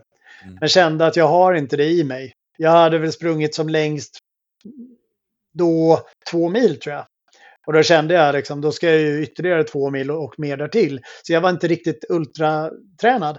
Uh, och då kom jag i kontakt med en tjej som heter Ellen Westfält som har Sveriges längsta runstreak. Hon hade ju sprungit fyra år i rad då. Um, så jag kände bara, det är ett sjukt liksom. Nu firade hon precis nyligen tio år faktiskt. Mm. Uh, så det är kul. Men då, då så pratade hon och det är hennes sambo som har sprang 88 mil förresten. Uh, då. Ja, det är jättelångt. Och då pratade de om just att runstreak är ju en form av ultra återigen filosofiskt begrepp med tanke på att man, man liksom, att springa varje dag är så jävla bortom vad många kan ens föreställa sig. Mm. Oavsett liksom hur du känner dig, om du är trött eller sliten eller oavsett vad det är för pissväder ute och allt sånt, eller om det är julafton eller du är bakfull eller vad det nu än är, liksom, så är det, du ska ut. Och det är jävligt ultra och då kände jag, men då kan ju jag vara lite ultra. Light. Och då började jag. Så den 20 februari 2018 så tog jag, sprang jag en, en mil och så blev det mitt första liksom runstreak-pass och sen dess har jag inte slutat.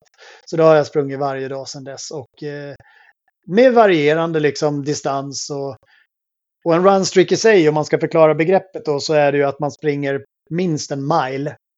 Mm. Alltså 1,6 kilometer. Mm. Per kalenderdygn måste du få in det.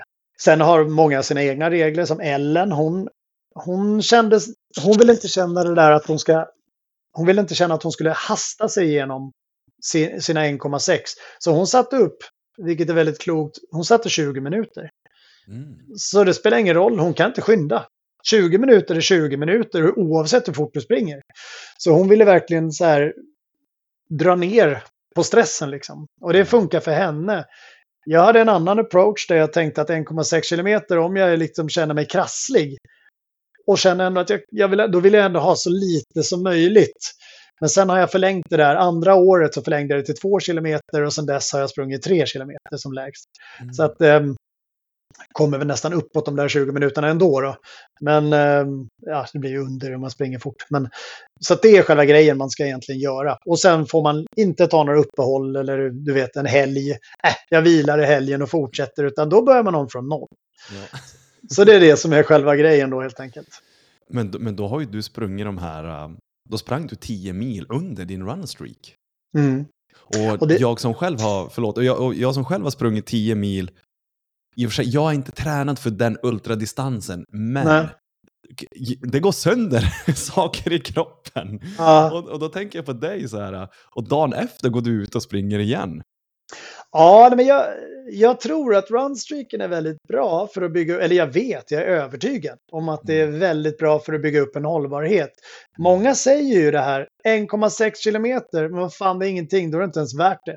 Det är mm. ingenting.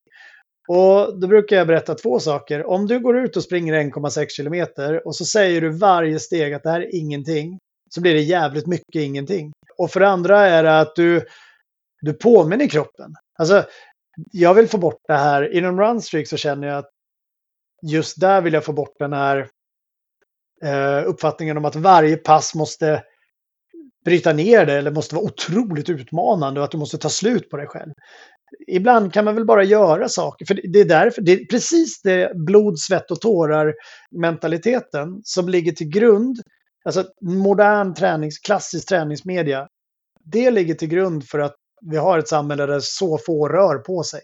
Mm. Att få, folk rör på sig alldeles för lite därför att de tror att antingen sitter vi still eller går vi ut och kör tills vi är fullständigt utmattade ett gympass. Det ska bara vara bit ihop, kom igen! Mm. Nej, du behöver inte gå dit för fan, skit i det. Bara gå, gå ut och ta en promenad. Då. Gör någonting. Och det är det vi inte... Vi blir bara intalade att det, det inte duger. Vi duger inte om, om vi inte ramlar ihop. Och det är det som är runstreaken tycker jag är så fint att då kör folk 1,6 kilometer. Liksom det är tanter och farbröder på liksom 60 bast som går ut och gör det varje dag. De ser inte ut som några löpare, men de mår så jäkla bra, liksom. både mentalt och fysiskt. Så får de en grundläggande rörlighet varje dag. Så det, det tycker jag är jätteviktigt liksom att få till den där dagliga rörelsen. Det är viktigt. Mm. Tränar du någonting eh, utöver din löpning? Men jag är Mm. jättedålig på det. Nej, alltså jag har ju gjort det. Jag har varit i gymsvängen och lite sånt där under tiden nu också. Eh, och du vet, jag har till vissa perioder, jag var skitduktig ett tag och körde jättemycket så här hemmagrejer, du vet. Ja, men du vet, bara så här armhävningar och, och sit-ups och du vet, ha sandsäck och göra burpees och eh, ja, men du vet, sådana grejer gjorde jag. Jag var jätteduktig ett tag, men det har fallit helt bort från det och jag märker ju att löpningen blir ju lidande. Det här komplementet, den typen av träning är ju enormt givande och, och väldigt viktig. Så jag, jag ska börja nu, eh, har jag sagt i tre år. Men nu är jag precis, precis på mållinjen här nu, eller på, på startlinjen menar jag. Så att, eh, nej, jag ska väl göra det. Just nu kör jag faktiskt, har jag sedan eh, två och en halv vecka tillbaka börjat köra powerwalks varje, varje morgon med hunden och då kör jag typ minst 40 minuter. Riktigt hård powerwalk, liksom inte, inte gå snabbt utan jag dundrar på ordentligt och så mycket terräng upp och ner i knacklig terräng. Och det är för att bygga upp löpstyrkan igen. Jag Mm. märker det när man tränar ju så bra muskler för det. När man väl kommer i de här buskarna så, eller buskarna, backarna menar jag. Back. Så, så, ehm, så är det just det här gången eh, är skitbra träning. Mm. Eh, Så nu känner jag att jag blir inte lika trött i backar längre. Så jag är på gång. Intressant. Men Ja. en 40 minuter varje morgon, det borde ju ändå ta ganska mycket på krafterna för att sen... Eh, eller men du kanske, du kanske lägger upp det så pass bra att det blir som en... Men du bygger upp bara, du bryter inte bara ner. Mm. Nej, jag tror inte det. Jag, jag, jag känner inte riktigt så i alla fall. Eh, för jag, vi har ju sprungit, liksom, jag har haft perioder där jag sprang en halvmara varje dag. Liksom, eh, under, jag tror det var, ja, då körde jag nog en och en halv vecka tror jag. Och milar har jag kört i två veckor. Men du vet, så här, alltså, att jag ändå så här, ganska bra mängd. Och jag, jag känner inte att... Alltså har, det är också en fördel med runstreaken. Man lär känna sin kropp så in Mhm. i Det kan jag helskotta. tänka mig. Ja, alltså det, det är nästan som att man har en sensor så jag känner exakt när jag behöver ta det ner, ta det lugnt och när jag inte behöver ta det lugnt och när jag kan kötta på. Och det är jätteintressant. Det gäller ju även med det här med sjukdomar och sånt. Att man känner precis att okej, vänta lite, jag tror att jag eventuellt har något litet. Eh, så jag bromsar. Och sen bryter det inte ut för att jag får återhämtningen. Och sen så kan jag köra på igen. Och det är jättemärkligt att jag under de här liksom snart sex åren har jag liksom inte varit sjuk, sjuk. Jag hade feber en gång. Och då hade jag ganska hög feber. Och så tänkte jag att ja, men nu får jag bryta då. Nu är det inget mer med det. Och sen så på eftermiddagen så bara gick det ner till typ normal. Och då bara, jaha, jag går ut och kör då försiktigt. Och så lufsade jag, andades bara genom näsan. Och bara lufsade liksom. Och så gick det bra. Och sen dess så blev jag frisk. Så, att, eh, så har jag haft magsjuka två gånger. Men jag menar, det är ju ingenting som är farligt att springa då. Feber ska man ju inte göra såklart. Mm. Liksom. Men, eh, alltså jag, men utöver det har jag liksom inte haft någonting, vilket är jäkligt märkligt. Hur- viktig är den här runstreaken för dig? Liksom, till vilken gräns får den inte brytas? Nu, jag vet, jag har pratat med Ellen om det. För Ellen och jag har ju blivit någon form av då runstreak, liksom profiler då utåt. Liksom hon, för hon har Sveriges längsta, jag börjar få en ganska bra och sen har jag skrivit en bok om det och då blir det sådär att vi har pratat ganska mycket i poddar och, och så om det. Och det vi båda någonstans har kommit överens, eller är överens, är ju att den är ju viktig för oss personligen för att det är väldigt roligt. Alltså det är ju en lek, ärligt talat, någonstans. Den är ju inte så pass viktig att någonting står och faller på det egentligen, men däremot så har det blivit att fan, folk vill ju att vi ska köra på. Jag tänker det. Liksom, Ja. Det blir en grej. Ni får Mm. ju inte ge upp nu. Nej, ja, men lite så. Så att absolut, det, det har blivit. Det har blivit ganska viktigt så att man, för mig har det blivit en stor del av, liksom, när folk, de som vet vem jag är, förknippar ju mig med Runstreak väldigt ofta. Så att där, jag tappar väl lite en grej, av, en liten bit av min identitet där och då, kanske, eh, om jag skulle bryta. Eh, det tror jag. Kan du känna att du har press på dig? Liksom att du måste gå ut och springa varje dag för att nu har du ögon på dig? Eller känner du att du kan vara fine med om du bara, ah men nu skiter jag i det här? Nej, det, jag, jag mår inte bra mentalt av tanken på att bryta. Ja. Eh, det, nu när jag tänker på det så det blir ångest, alltså det blir riktigt jobbigt. Och Mm. där, där, när jag säger det så är det nog många som lyssnar nu som tänker, men då är det ju inte hälsosamt. Eh, men jag håller inte alls med, utan jag är likadan vad gäller allt. Jag vill inte, jag vill inte misslyckas med saker. Jag tycker inte om att misslyckas. Det är mer en sån generell grej. Det är ingen separat eh, press på runstreaken. Eh, det är samma sak med vissa, liksom, undrar om, undrar om det här kan man inte ljuga och bara säga att man har sprungit. Du vet, jag, är fort, jag, är sån där, jag kan aldrig ljuga. Jag måste göra det. Alltså, jag mår fortfarande idag dåligt över en grej som hände liksom, när jag var, kan jag vara sju tror jag, och fuskade i ett spel. Jag kommer ihåg det än idag. Jag smusslade undan pengar på någon sån här monopol. Och vann över min kompis på grund av det. Och jag mår fortfarande dåligt över det. Alltså det säger jag kan inte, så att skulle jag liksom bara låtsas ha sprungit någon dag och säga det utåt, du vet jag hade, nej, jag hade inte kunnat leva med mig själv då. Det hade inte gått. Så jag måste ju, jag är ju, jag måste göra rätt för mig så att säga. Men jag känner nog inte press, jag känner en positiv press Mm, att göra det varje dag. För jag är så Ja. glad, jag är så stolt över den. Mm. Eh, Så det, det är överlag en, en, glad, en glad press kan man säga. Men jag tänker också att liksom med tiden som, eh, som du växer och liksom blir den här profilen får man väl säga. Också liksom, Du har ju som gett dig in i det här. Och, Mm. och, lite, och lite grann som, som vi pratade om tidigare här med, med friktion i livet och vi har det så Mm. bekvämt. Ja, ibland undrar jag så här, vem var det som sa till alla oss att livet alltid kommer vara så jäkla bra och det är alltid solsken? Det är så här bara, det är inte, vart har vi fått det ifrån? Det är Ja. inte sant. Så Nej. jag tänker ju att, så, så att, liksom, att du känner den här kanske pressen, som du säger Ja. också, du tar det positivt, det är ju en del av grejen. Ja, ja, ja, 100 procent. Absolut. Ja, men annars hade det inte varit någonting. Annars hade det ju varit enkelt. Oh ja. Eh, mm. och bara guld och grönt. Alltså, då hade jag inte tyckt, då hade jag förmodligen slutat. Då är det ju Ja, som precis. att... Det är Ja. inget värde i det. Nej, det är som, jag går ett steg varje dag minst.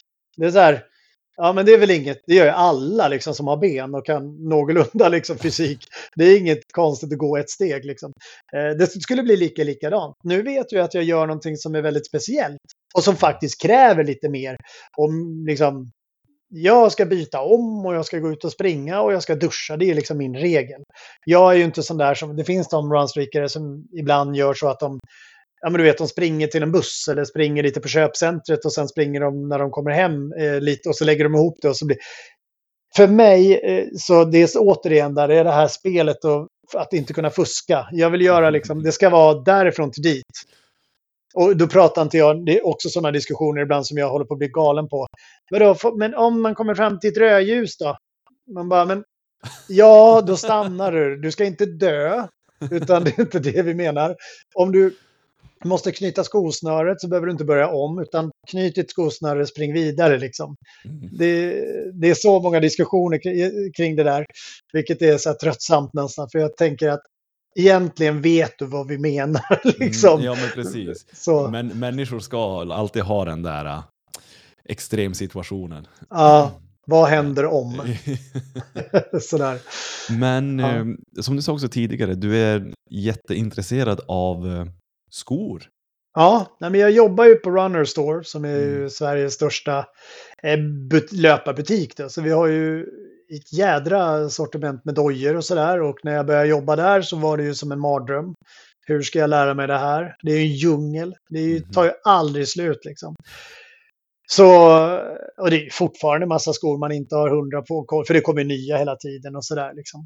Men ja, så att skor eh, har ju blivit ett intresse, lite nördigt sådär. Folk skriver ju hela tiden liksom. Man får meddelanden hela tiden. Vilken ska jag, jag, jag vill ha det här och det här, vilken ska jag ha? Så. Jag blir ju lite extra glad när jag ser dig med en Altra-tröja. Ja, För- är det så? För, jo, för att jag har ju... Jag har ändå varit en okej löpare om man ser tidsmässigt. Jag har typ 38 på milen och Oj. jag har, sprungit, jag har sprungit 10 mil. Och det var faktiskt för två år får man sedan- säga mer än en okej löpare tycker jag. Okej, tack. Ja. jag uppskattar det. ja. Men, eh, och det är också så, men då har jag varit så här, jag har fruktansvärt breda fötter, jag har tennisrack fötter. Så, och, och jag är så här, Asics, eh, Hoka, alla, och jag har fått, och det är liksom, jag tappar naglar och det är så här, fan, finns det inga jävla dojor. Och då på 10 loppet för två somrar sedan, eh, 20, då när jag var Vad var det 29. för lopp då? Eh, det hette Tornedalen Ultra Run. Jag har medaljen här i... Jag Ja, ska vad visa. coolt. Jag gör det. Den vill vi se. Man ska alltid visa medaljer. Det är som en gruvsten eller wow. Tornedalen Ultra Run, Ka- Kaunis Iron. Så det är ju uppe... Coolt. efter, efter väg 99 där uppe i Pajala, så det var 10 mil asfalt och det var... Det är de längsta raksträckorna jag någonsin varit med om i hela mitt liv. Så, eh, men då var det i alla fall, och då, då var det en, en vinnare där, hette han Dan Välitalo, tror jag. Mm. Han, han har sprungit för, för landslaget också, de här 24 timmarsloppen. Ja, just det. Just det. Mm. Och, och han, ja, så jag, han var där själv och, och jag hade med då med vännen och min dotter och sådär. Så, så jag tänkte, men jag ska prata med han. Jag, för jag, och fråga vad han, liksom, han springer ju länge och sådär. Så jag, Mm. då började vi snacka skor och sådär. Och han bara, ja men jag har haft samma problem som dig, så nu springer jag bara med Altra. Mm. Och jag bara, vad fan är Altra? Bara, men, men och så då testade jag Altra. Och sen Mm. dess, alla problem med liksom trånghet, tappa naglar, det är borta. Är det sant? Jo, så jag behövde en Altra-doja. Det var Ja. allt jag hade sökt i 29 år. Ja. Och det är ju, den historien har jag ju hört, jag vet inte hur många gånger. Min fru hade ju problem med Mortons syndrom då, som är en nervinklämning här. eh, mellan tredje och andra är väl. Och ehm, då är det ju oftast det som hjälper. Eh, man försöker förse folk med lite bredare tåbox. Sen gillar ju inte Altra att höra att de har ett bred tåbox förvisso, utan de säger nej, vi är fotformade. Och det är ju, jag håller med, det är okej, Exakt. fine. Även om det är väl lite hårklyveri då, men eh, det blir ju en, en, en, det blir ju, om man jämför med andra märken så blir det ju en, en bred tåbox såklart. Men absolut, och det försvinner ju direkt. Det händer ju med jättemånga kunder också som har... Det är ju det som är grejen. Jag, jag brinner ju liksom för fothälsa överlag då. Mm. Och jag följer för Altras filosofi direkt på grund av att den, liksom när man bara tittar på hur vår fot fungerar fysiologiskt och sen tittar på vad vi har för moderna skor så är det ju som man bara, men vad är det här? Alltså det, det är så enormt korkat, det vi håller på med. Alltså vi, vi har liksom spetsiga skor till en fotform. Så att vad som händer är ju att liksom stortån trycks ju alltid inåt sådär. Mm. Och stortån, det är ju den, alltså den är så enormt viktig. Det är den som ska bära upp hela liksom eh, hålfoten. Mm. Och skjuter vi, den ska liksom vara där som en, man kan säga som en bas då. Så Mm. att här har du hälbenet och sen så har du stortån längst fram och den ska liksom kunna, de två punkterna ska kunna bära upp. Mm. Skjuter du bort den åt sidan, Mm. då, då kollapsar foten inåt. Och det är det man ser med nästan alla människor. Kollapsar inåt och vad säger vi då till folk? Då ska du ha en pronationssko. Som alltså då, först och främst redan där så antyder man att pronering, pronation, ska vara någonting negativt. Vilket är helt fel. Ehm, att pronera betyder egentligen bara att du landar på utsidan av foten och sen när du kommer igenom steget så rullar du in mot stortån, trycker ifrån med stortån. Okej. Det är pronation. Så Mm. att folk kommer ju in dagligen till mig och säger ja, jag kan inte springa för jag pronerar. Det är som att säga jag kan inte springa för jag har ju två ben. Det är så här, va? Vadå? Så att liksom redan där måste vi någonstans backa, tycker jag. Jag, jag säger ju alltid överpronationsskor. För överpronera, det innebär ju det här som händer när stortån skjuts åt sidan och man faller inåt för mycket. Anledningen till det är dels oftast stortån, men sen också att vi har väldigt dålig vristkontroll, alltså muskulatur i både vrister och i själva foten. Vi går ju liksom på helt platt underlag. Våra fötter är egentligen sedan evolutionen, eller på grund av evolutionen, gjorda för att gå på väldigt ojämnt material. Det är därför vi kan röra på den. Alltså om man tittar man så är det ju väldigt likt en hand. Där vi kan liksom röra åt alla möjliga håll och kanter. Och vi kan greppa. Och det kan foten egentligen också. Men vi har tappat den kontakten liksom från hjärnan till fot. Så det som, vi stänger in foten i väldigt trånga utrymmen och går på platt underlag. Så att vi har liksom inga muskler. Och det gör att vi faller in. Och vi kollapsar, fotvalvet kollapsar. Det händer en rad olika otrevliga saker som, som gör att vi då ska helt plötsligt eh, liksom skicka in då hjälpmedel i form av pronationsskor och sen även då sulor, ilägg, är ju Mm. väldigt populärt. Och tänker man lite mer på det där, du har alltså en fot, eller om vi gör så här istället, vi börjar med att ge ett exempel. Om du har brutit armen så har du gips på dig ett tag. Då förtvinar ju musklerna. Eh, och sen tar du av dig gipset när ditt ben har läkt. Då är det ju en självklarhet för alla att vi måste träna upp armmuskulaturen igen. Det är liksom inget konstigt. Vi, vi ska greppa och vi ska böja och vi ska vrida och vända. En självklarhet. Med fötterna så har vi exakt samma situation. Men då ska vi frysa dem i det felaktiga läget. Och säga liksom att där har vi lösningen. Och jag vet, det finns en fotexpert som heter Anders Nordström, Fot-Anders på Instagram. Han eh, säger ju ofta det att eh, vad är planen? Egentligen när någon ger ett inlägg. Okej, vad är planen? När är det det här kommer, när kommer du liksom kunna gå på din fot bra igen då? Det finns ingen plan. Det, det är inte, du sätter ju inte i ditt sulan för att åtgärda problemet så att säga. Utan du bara fryser den i det läget så att du ska kunna ha den i det dåliga läget. Istället för att behandla fötterna precis som vi behandlar resten av kroppen. Det vill säga när någonting är svagt så förstärker du det. Det är ju det vi har lärt oss mer och mer genom åren. Nu är det ju liksom en no-brainer för hela kroppen. Vi inser att i stort sett, det är nästan som man kan säga alla åkommor går att, går att antingen förbättra eller helt läka eller så. Med hjälp av träning, att stärka. Men fötterna, då är det flummigt. Det är jätteflummigt helt plötsligt betraktas det som. Och jag tror att det har tyvärr mycket att göra med barfota rörelsen som kom. Som jag kan tycka, den har ju en poäng i sig, men det vart ju så jäkla snurrigt allting. Folk bara kastade av sig skorna och så skulle de springa ett maraton och sen gick de sönder. Så här, ja, vad trodde du liksom? Du har ju inga muskler i fötterna, du har inga muskler någonstans där. Det är klart att du går sönder.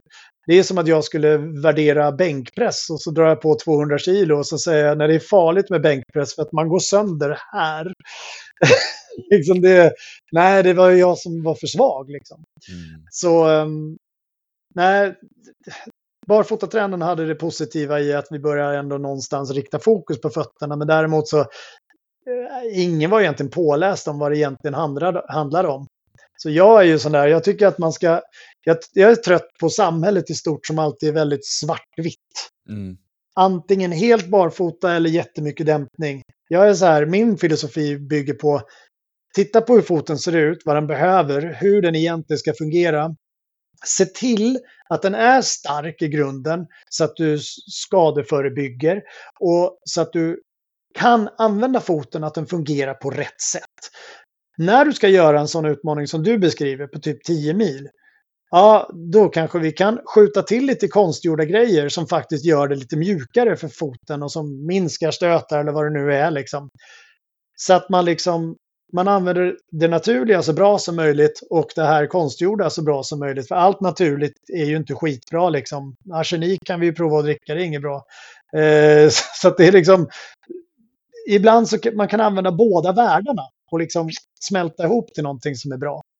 Men vad gäller ilägg och pronationsskor så har det spårat ur fullständigt. Men rätta mig om jag har fel då, för det är ju mycket, många går ju med de här uh, fotgjorda sulorna, man får liksom, om man gjuter som efter foten och sen Mm. så har man det i alla skor man går i. Mm. Är, är det någonting som faktiskt är sant? Eller går det också att träna bort eller vänja sig vid? Eller? Ja, du har ju bara, alltså hela, alltså, det är ytterst sällsynt med att det faktiskt är så att du har en åkomma, alltså någonting som är defekt i foten. Alltså då menar jag defekt, defekt sen födsel. Ehm, det det är defekt, det är i stort sett alltid att din muskulatur inte är tillräcklig. Så det är liksom bara Eh, ett påhitt det här med liksom ja, ja. gjutna... Ah. Ja, ja, alltså 100 procent. Det, det har ju spårat ur fullständigt. Det är ju helt, det är som att, och det är det när jag jobbar i butiken, var och varannan människa har ju ilägg. Hur logiskt är det egentligen? Hur Vart logiskt är det? Ifrån? Vart kommer Ja. det ifrån? Jag, jag, jag tror att det är ganska enkelt på så sätt att när du faller ihop och du har väldigt ont och så skjuter du dit ett ilägg så känns det skönt. För du får stöd. Till exempel Mm. hålfoten får kämpa, du får kramper och du får ont. Så har du ett stöd som gör att du behöver inte jobba. Då känns det med ens bra. Många blir ju hjälpta så. Det får man ju liksom... Men problematiken är ju så här, det finns en ganska enkel regel. När du hjälper kroppen så försvagar du kroppen. Så är det i stort sett alltid.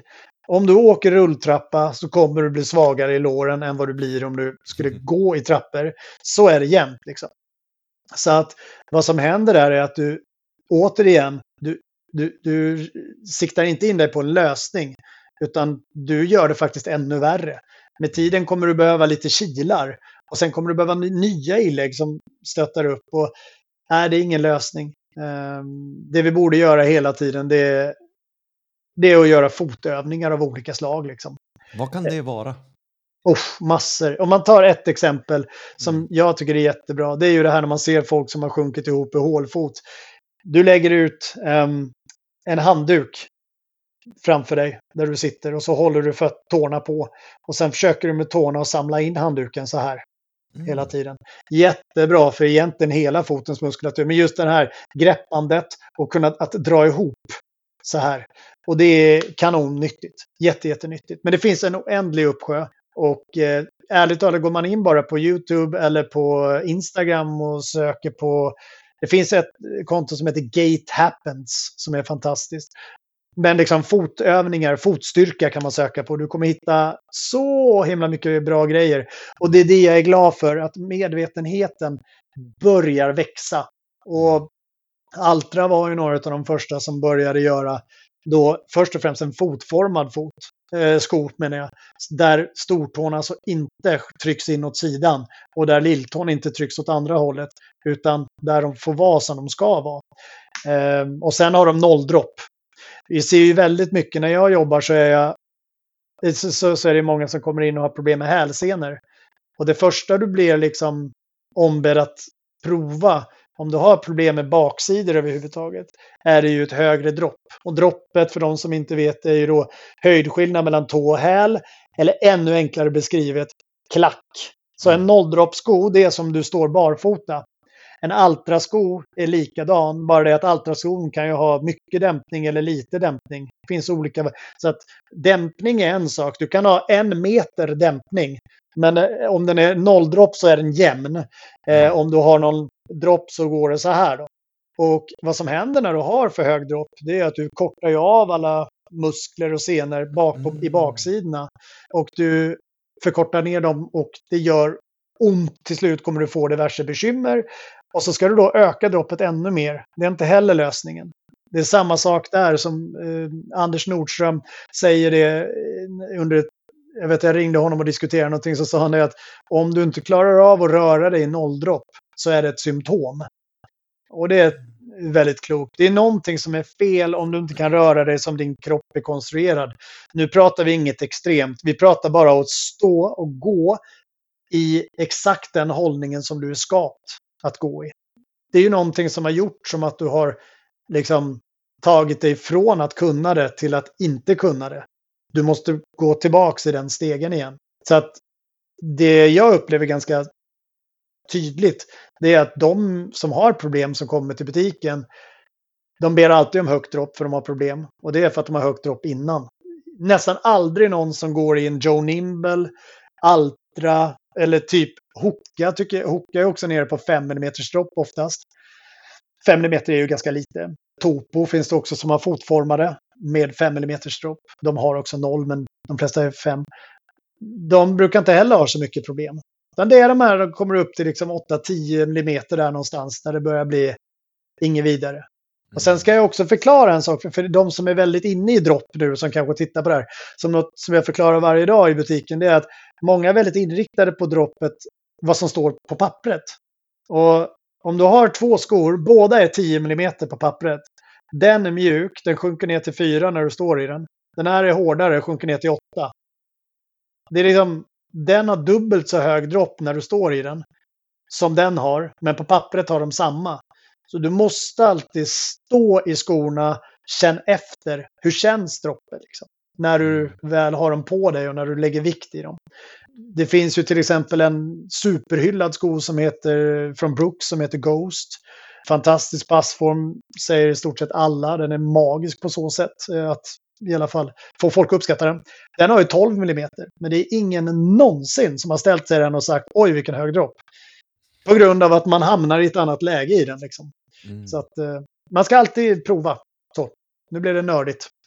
ja, men jag, jag älskar det, för att du fick mig att tänka efter och du gav svar på otroligt mycket som jag inte ens har vetat.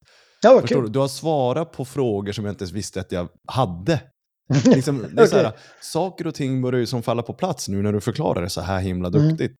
Så det är så, nu sitter jag som bara och processar, bara ah, det så här makes sense. Men det, och det är det som är grejen, att det blir alltid så. Alltså jag, liksom det, det är så himla uppenbart när man pratar om det. Och första mm. gången jag hörde någon prata om det, så blir jag så här, men vad håller vi på med? Det kan ju inte, och då var det lite så här också att ibland är det där too good to be true. Liksom. Och det kände jag lite, men vad fan är det verkligen så här? Och sen så när jag väl börjar jobba i butik och liksom träffa kunder och ser vilka komplikationer vi faktiskt har. Alltså det är så tydligt så att det liknar ingenting och det är också frustrerande. Jag går ju många gånger för jag går tillbaka till lagret och andas och hyperventilera. För att det är så här, du vet, någon kommer in och har liksom en, den trängsta skon vi har i butiken. Och så, så har hallux valgus som ju är då när tån skjuter ditåt och liksom hela basen där det här benet liksom poppar ut så. Det ser inte klokt ut och det är så inte bra och det är, inte, det är jätteobekvämt eh, och smärtsamt och tråkigt för liksom, kunden. Och så försöker man, du vet, styra in dem och säger, vet du vad? Man förklarar så tydligt hur det ligger till allting. Att du vet, om du har så här skor, då kommer du inte trycka på, det, på tån. Och då säger de, nej men det har inget med skor att göra, det är ärftligt.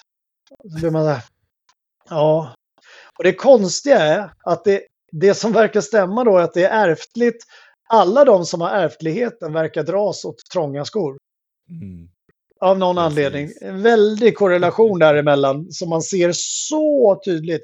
Det som är ärftligt, det är ju förmodligen då en benägenheten att utveckla det är förmodligen ärftlig. Um, vissa utvecklar det väldigt, väldigt lätt. Men sanningen är ju så här. Jag kan svära på om du har en vanlig fot som föds och du aldrig trycker den åt sidan så mm. kommer inte du utveckla hallux valgus liksom från ingenstans. Utan det är ju själva ihopklämningen som, som gör det. Och det här har ju till och med läkare liksom inte riktigt erkänt eller haft koll på en längre tid. Nu börjar det, efter många, många, många, många år av andra som har sagt annat, så börjar det ändå gå till den gränsen att att det börjar erkännas mer och mer. Och man ser att fler och fler skor, till och med märken som har haft ganska erkänt. Det är ett speciellt märke som är erkänt väldigt smala. Som jag kom in i butiken, nu får jag inte säga det för det är ju hemligt släpp inför nästa år. Och de har liksom fotformade skor. Och jag blir ju bara helt halleluja. Jag blir så lycklig för att fasiken vad det är tragiskt att så många komplikationer och vi har så mycket problem med fötterna. Liksom, jag skulle säga att var tredje person har enorma problem med fötterna. Liksom. Och liksom 99,9 procent av dem skulle gå och antingen undvika eller går att rehabilitera med hjälp av liksom kunniga personer som vet vilka övningar man ska göra. Och när man ser det göra så blir man ju helt tårögd. Liksom. Det är någon som... Jag har haft folk inne som jag har liksom beordrat slänga sina ilägg. Och bara köra neutralt och köra vissa övningar som kommer tillbaks liksom. Och sen bara, vet du vad, jag har inte ont längre. Jag är helt fri från det. Och jag har varit inne och jag, jag betalar inte en massa pengar längre för specialprodukter och sådär. Och sen ska jag tillägga då bara för dem nu som sitter och säger att jo, för jag har nämligen blivit, då är det så här, reservationer. Om det är så att du har någonting defekt med din fot, där det krävs någon form av hjälp. Självklart ska man göra det. 100 procent. Men nu pratar jag om saker där faktiskt grundorsaken är att musklerna inte fungerar som de ska. Och därför gör att fotens liksom, grundfunktion slås ut. Då, då är det en lösning att träna upp det. Något som skrämmer mig lite grann, jag som ändå hållit på med hockey i Mm. större delen av mitt liv och var ändå på juniorlandslagsnivå. Och liksom, man tänker ju att eh, man borde ha kunnigt folk runt omkring sig. Men för löpning är en stor del av hockeyn och jag som var Mm. målvakt, det var, var, jag var också intresserad av, av kondition, ville ha bra Mm. kondition. Och eh, man har bara fått höra att ja, men ta, en, eh, ta en lätt sko. Liksom Mm. så här, man bara okej, ja, nice, Mm. men lätt, då kan man liksom, känner man inget eh, motstånd typ. Men sen så sitter Nej. man och pratar med dig och liksom du, du jobbar på Runner Store, visst det finns säkert otroligt bra kunskap där man lär av varandra, men alltså varför vet inte folk det här? Varför har inte jag vetat det här? Det är, ett, det, det är ett väldigt starkt motstånd ska jag säga. Jag upplever, jag har hamnat i otroligt hetska diskussioner. Mm. Eh, det, finns också, det finns också faktiskt exempel på där, utan att nämna några namn, men där framstående liksom, personer som förespråkar fotform och som då är, är kritiska till, till moderna eh, trendiga skor blir väldigt motarbetade av enorma liksom, företag som, Mm. som blir mer eller mindre tystare. Och nu pratar jag inte på ett plan att de på något sätt hotar så, men tar bort möjligheter för dem, tar bort plattformar för dem att kunna uttrycka sig. På, det, på den nivån, alltså aktivt och, och tydligt. Och Det det, är, är för mycket ju... pengar inblandat. Ja, det är jättemycket pengar inblandat. Det är Mm. otroliga summor. Så det är skittråkigt. Och därför tycker jag det är så roligt att se när de här märkena faktiskt producerar fotformade skor. Alltså när de går istället åt det hållet och faktiskt försöker göra någonting. Det är jättekul för att så här, att inte ha vetat inget brott. Att faktiskt ha varit naiv. Jag vet inte om man kan kalla det naiv. Om du inte vet det så vet du inte det. Mm. Liksom, du har bara varit kört på det som finns. Det är inget brott. Det är inget elakt eller så. Men när du vet om och får det förklarat för dig och du ändå förnekar det, då är det, då är det fan ett brott. Liksom. Då är det inte schysst. Men det är som varje gång i butiken som jag säger, när de frågar mig, vad springer du i? Ja, ah, men jag springer bara i Altra. Vad är det för något? Ah, Okej, men det är en sko som har, ja, den är formad som en fot. Förlåt? Nej, men alltså den har fotform istället för spetsig form eftersom våra fötter är inte spetsiga. Så kollar de sig om liksom. Men varför har inte alla det? Mm. Ja, det är trend.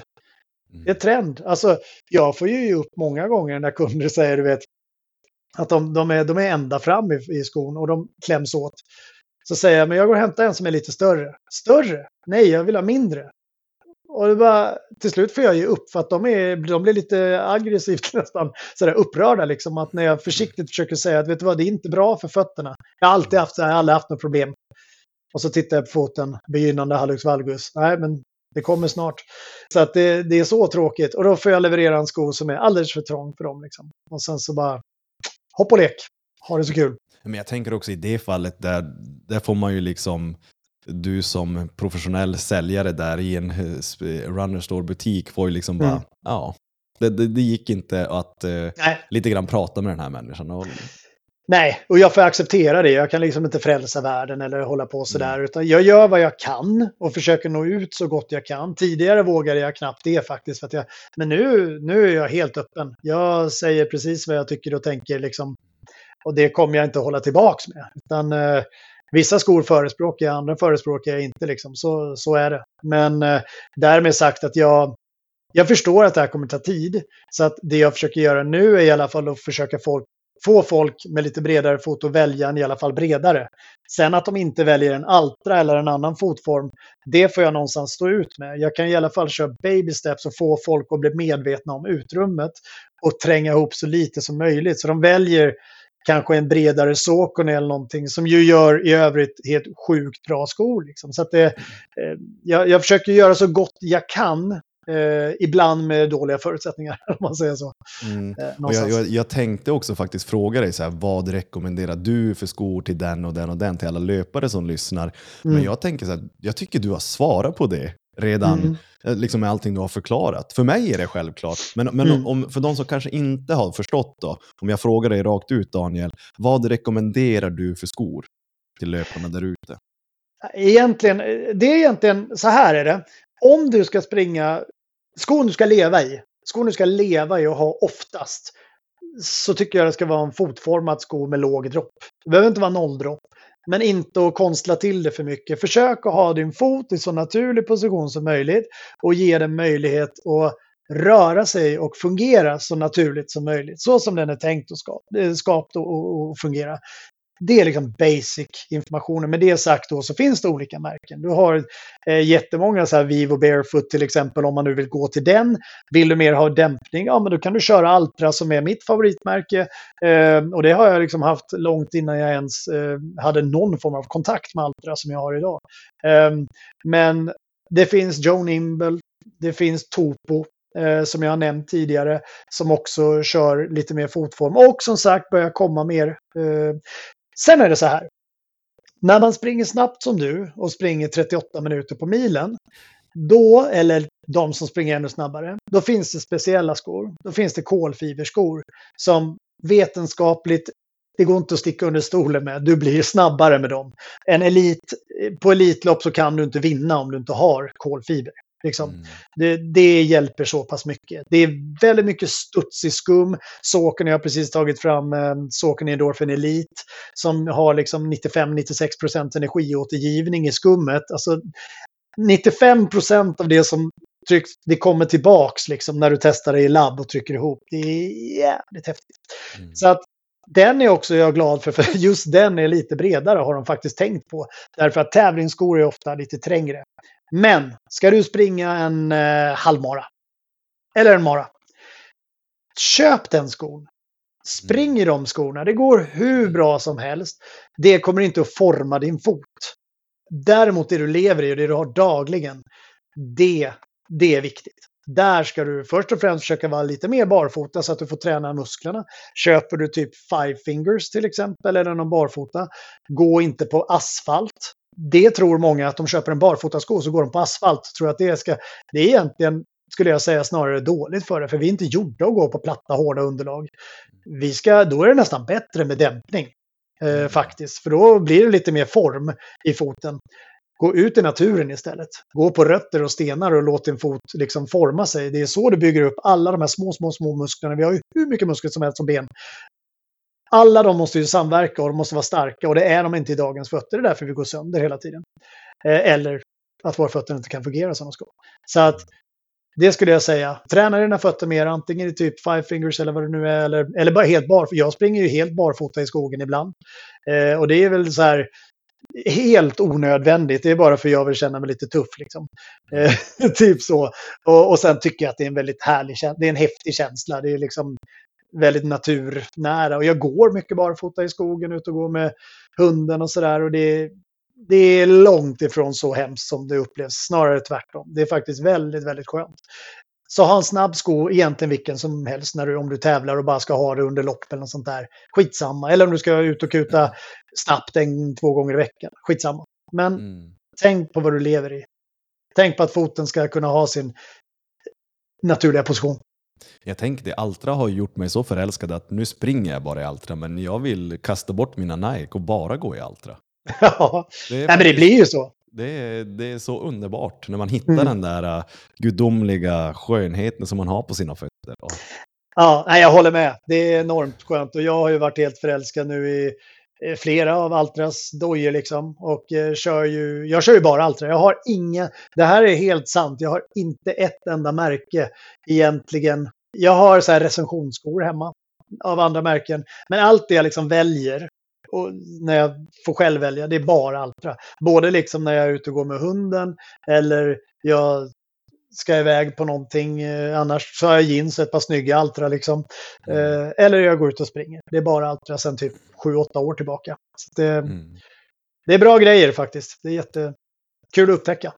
Och jag, eh, jag har en fråga angående löpningen innan jag tänker att vi, vi går ja. vidare. Och, och det är det att den här, jag, enligt mina erfarenheter, så den här skrönan om att man inte ska springa på asfalt för då skadar man sig, den mm. lärde mig jag, jag lärde mig snabbt att det är inte riktigt sant.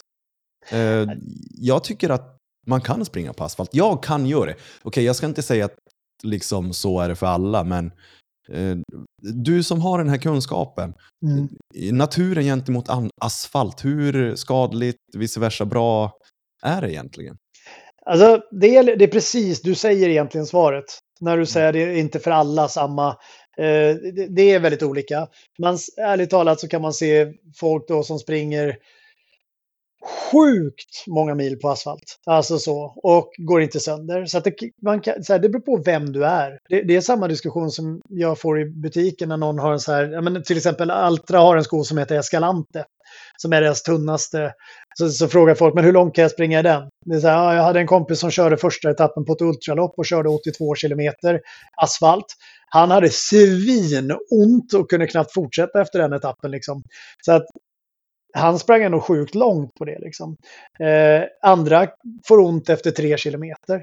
Och jag har ju bekanta som är ultralöpare. De kan springa så här åtta kilometer på asfalt. Men sen har de svinont eh, i hela kroppen. Okay.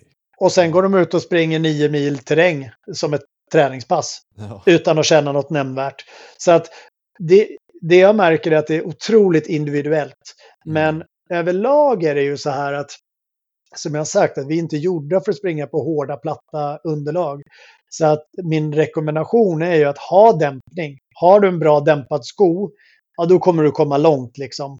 Mm. Eh, men du, man kan ju jämföra själv och gå och springa ut i skog med typ en barfotasko och sen så kutar du på asfalt så känner man ganska snabbt att aj, det gör jätteont på asfalt efter ett tag. För det blir mm. smällar och stötar liksom. Så, mm.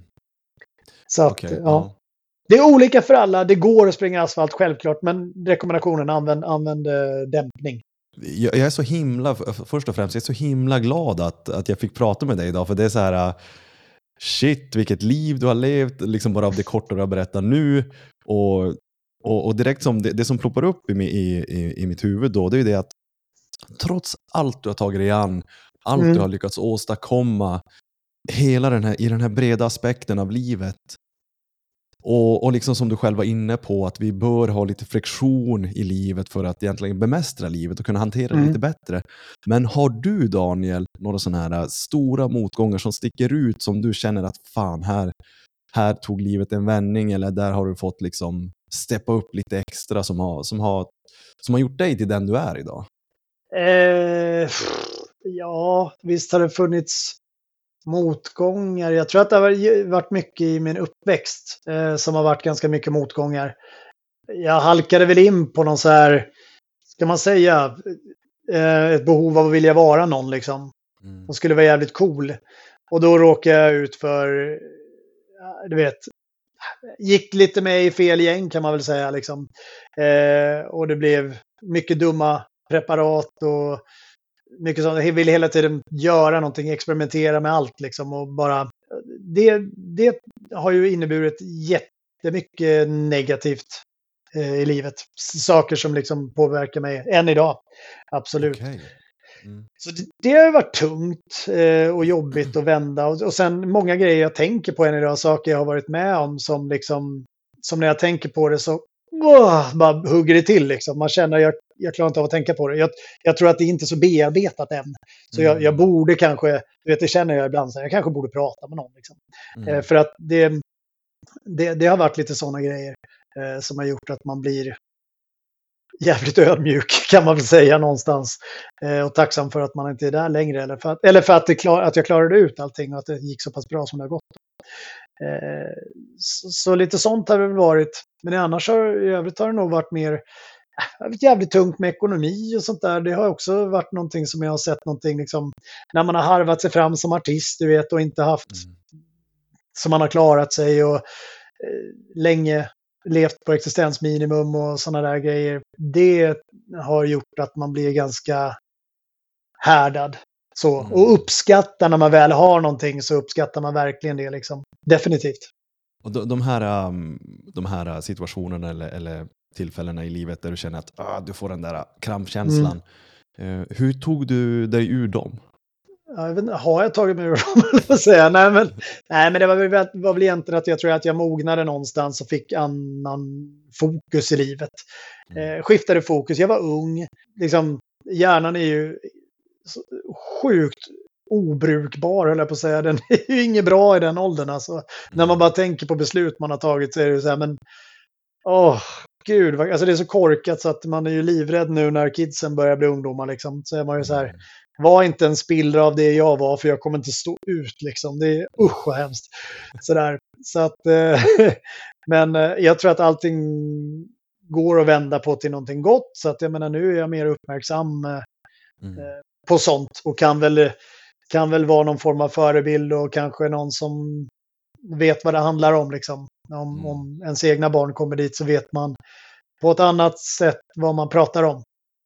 Och då kommer man kunna... också- Jag tror det, och, och liksom, jag som själv kommer, nu är det sex år sedan eh, jag tog min sista drog, så att Mm. liksom bara den grejen att vara inne i ett destruktivt eh, beteende och lite grann förnekelse. Och, Mm. Så jag pratar ju mycket om det just i podden och, och liksom att, att vara i ett destruktivt eh, skede i livet på vilket sätt som helst. Det kan vara Mm. förhållanden eller droger eller... Och det är det att eh, ofta kan jag se att eh, man, det måste hända någonting för att man ska förstå att det är dåligt det som händer. Så att, så Mm. att, som, som för mig var det att jag, fick åka, jag åkte ju fast två gånger och liksom sista gången var det husrannsakan och det var som då man bara okej, det är ganska illa det här. Är du Mm. med vad jag menar? Liksom, eh, det, det är inte många som bara kan vakna upp en dag och bara nej, nu bestämmer jag mig. Nu ger jag mig ur det här. Så, så att, Men, eh, men där är så intressant också, för hade du en grundläggande moralisk kompass som du har fått med dig i din uppväxt som ändå någonstans fanns där djupt inom dig? Jättebra fråga och ja, svar ja. Ja. För det är det jag känner också nämligen. Hade jag inte Mm. haft det, jag märker på många av mina vänner då som det inte har gått lika bra för. Mm. Som jag vet hur det var hemma liksom där man där vi drack när vi var alldeles för unga. Vi satt in och, du vet, han gick in och skrek åt mig. Morsan för fan ge mig cigg! Ja men du vet en Mm. sån grej.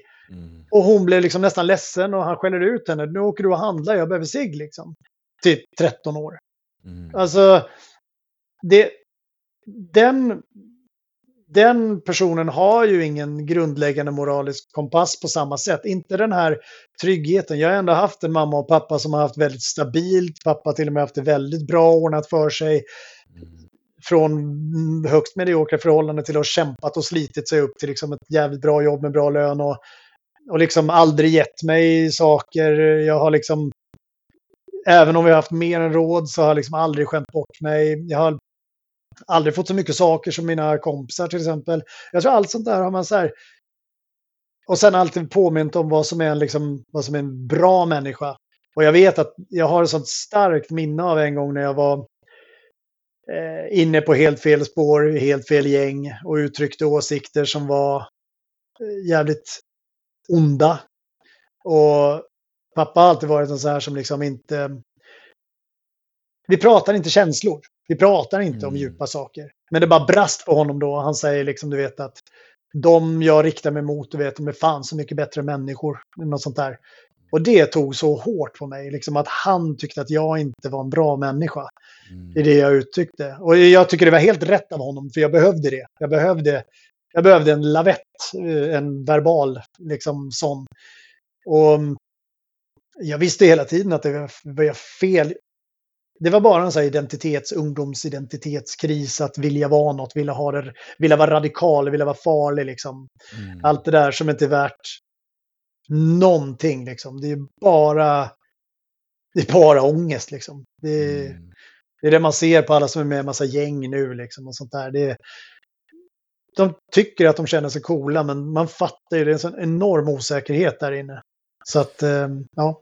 Ja, men det är fint att du vill dela med dig i alla fall. Och det är liksom, för jag tänker ju att när, om man lyssnar på dig så kanske man tänker att ja, men Daniel han bara tar sig an vad som helst och sen blir han bäst Mm. på det ungefär. Men, men Mm. jag, kan ju bara, jag kan ju bara gissa att det är inte bara solsken i ditt liv utan du har förmodligen fått kämpa till dit du är idag.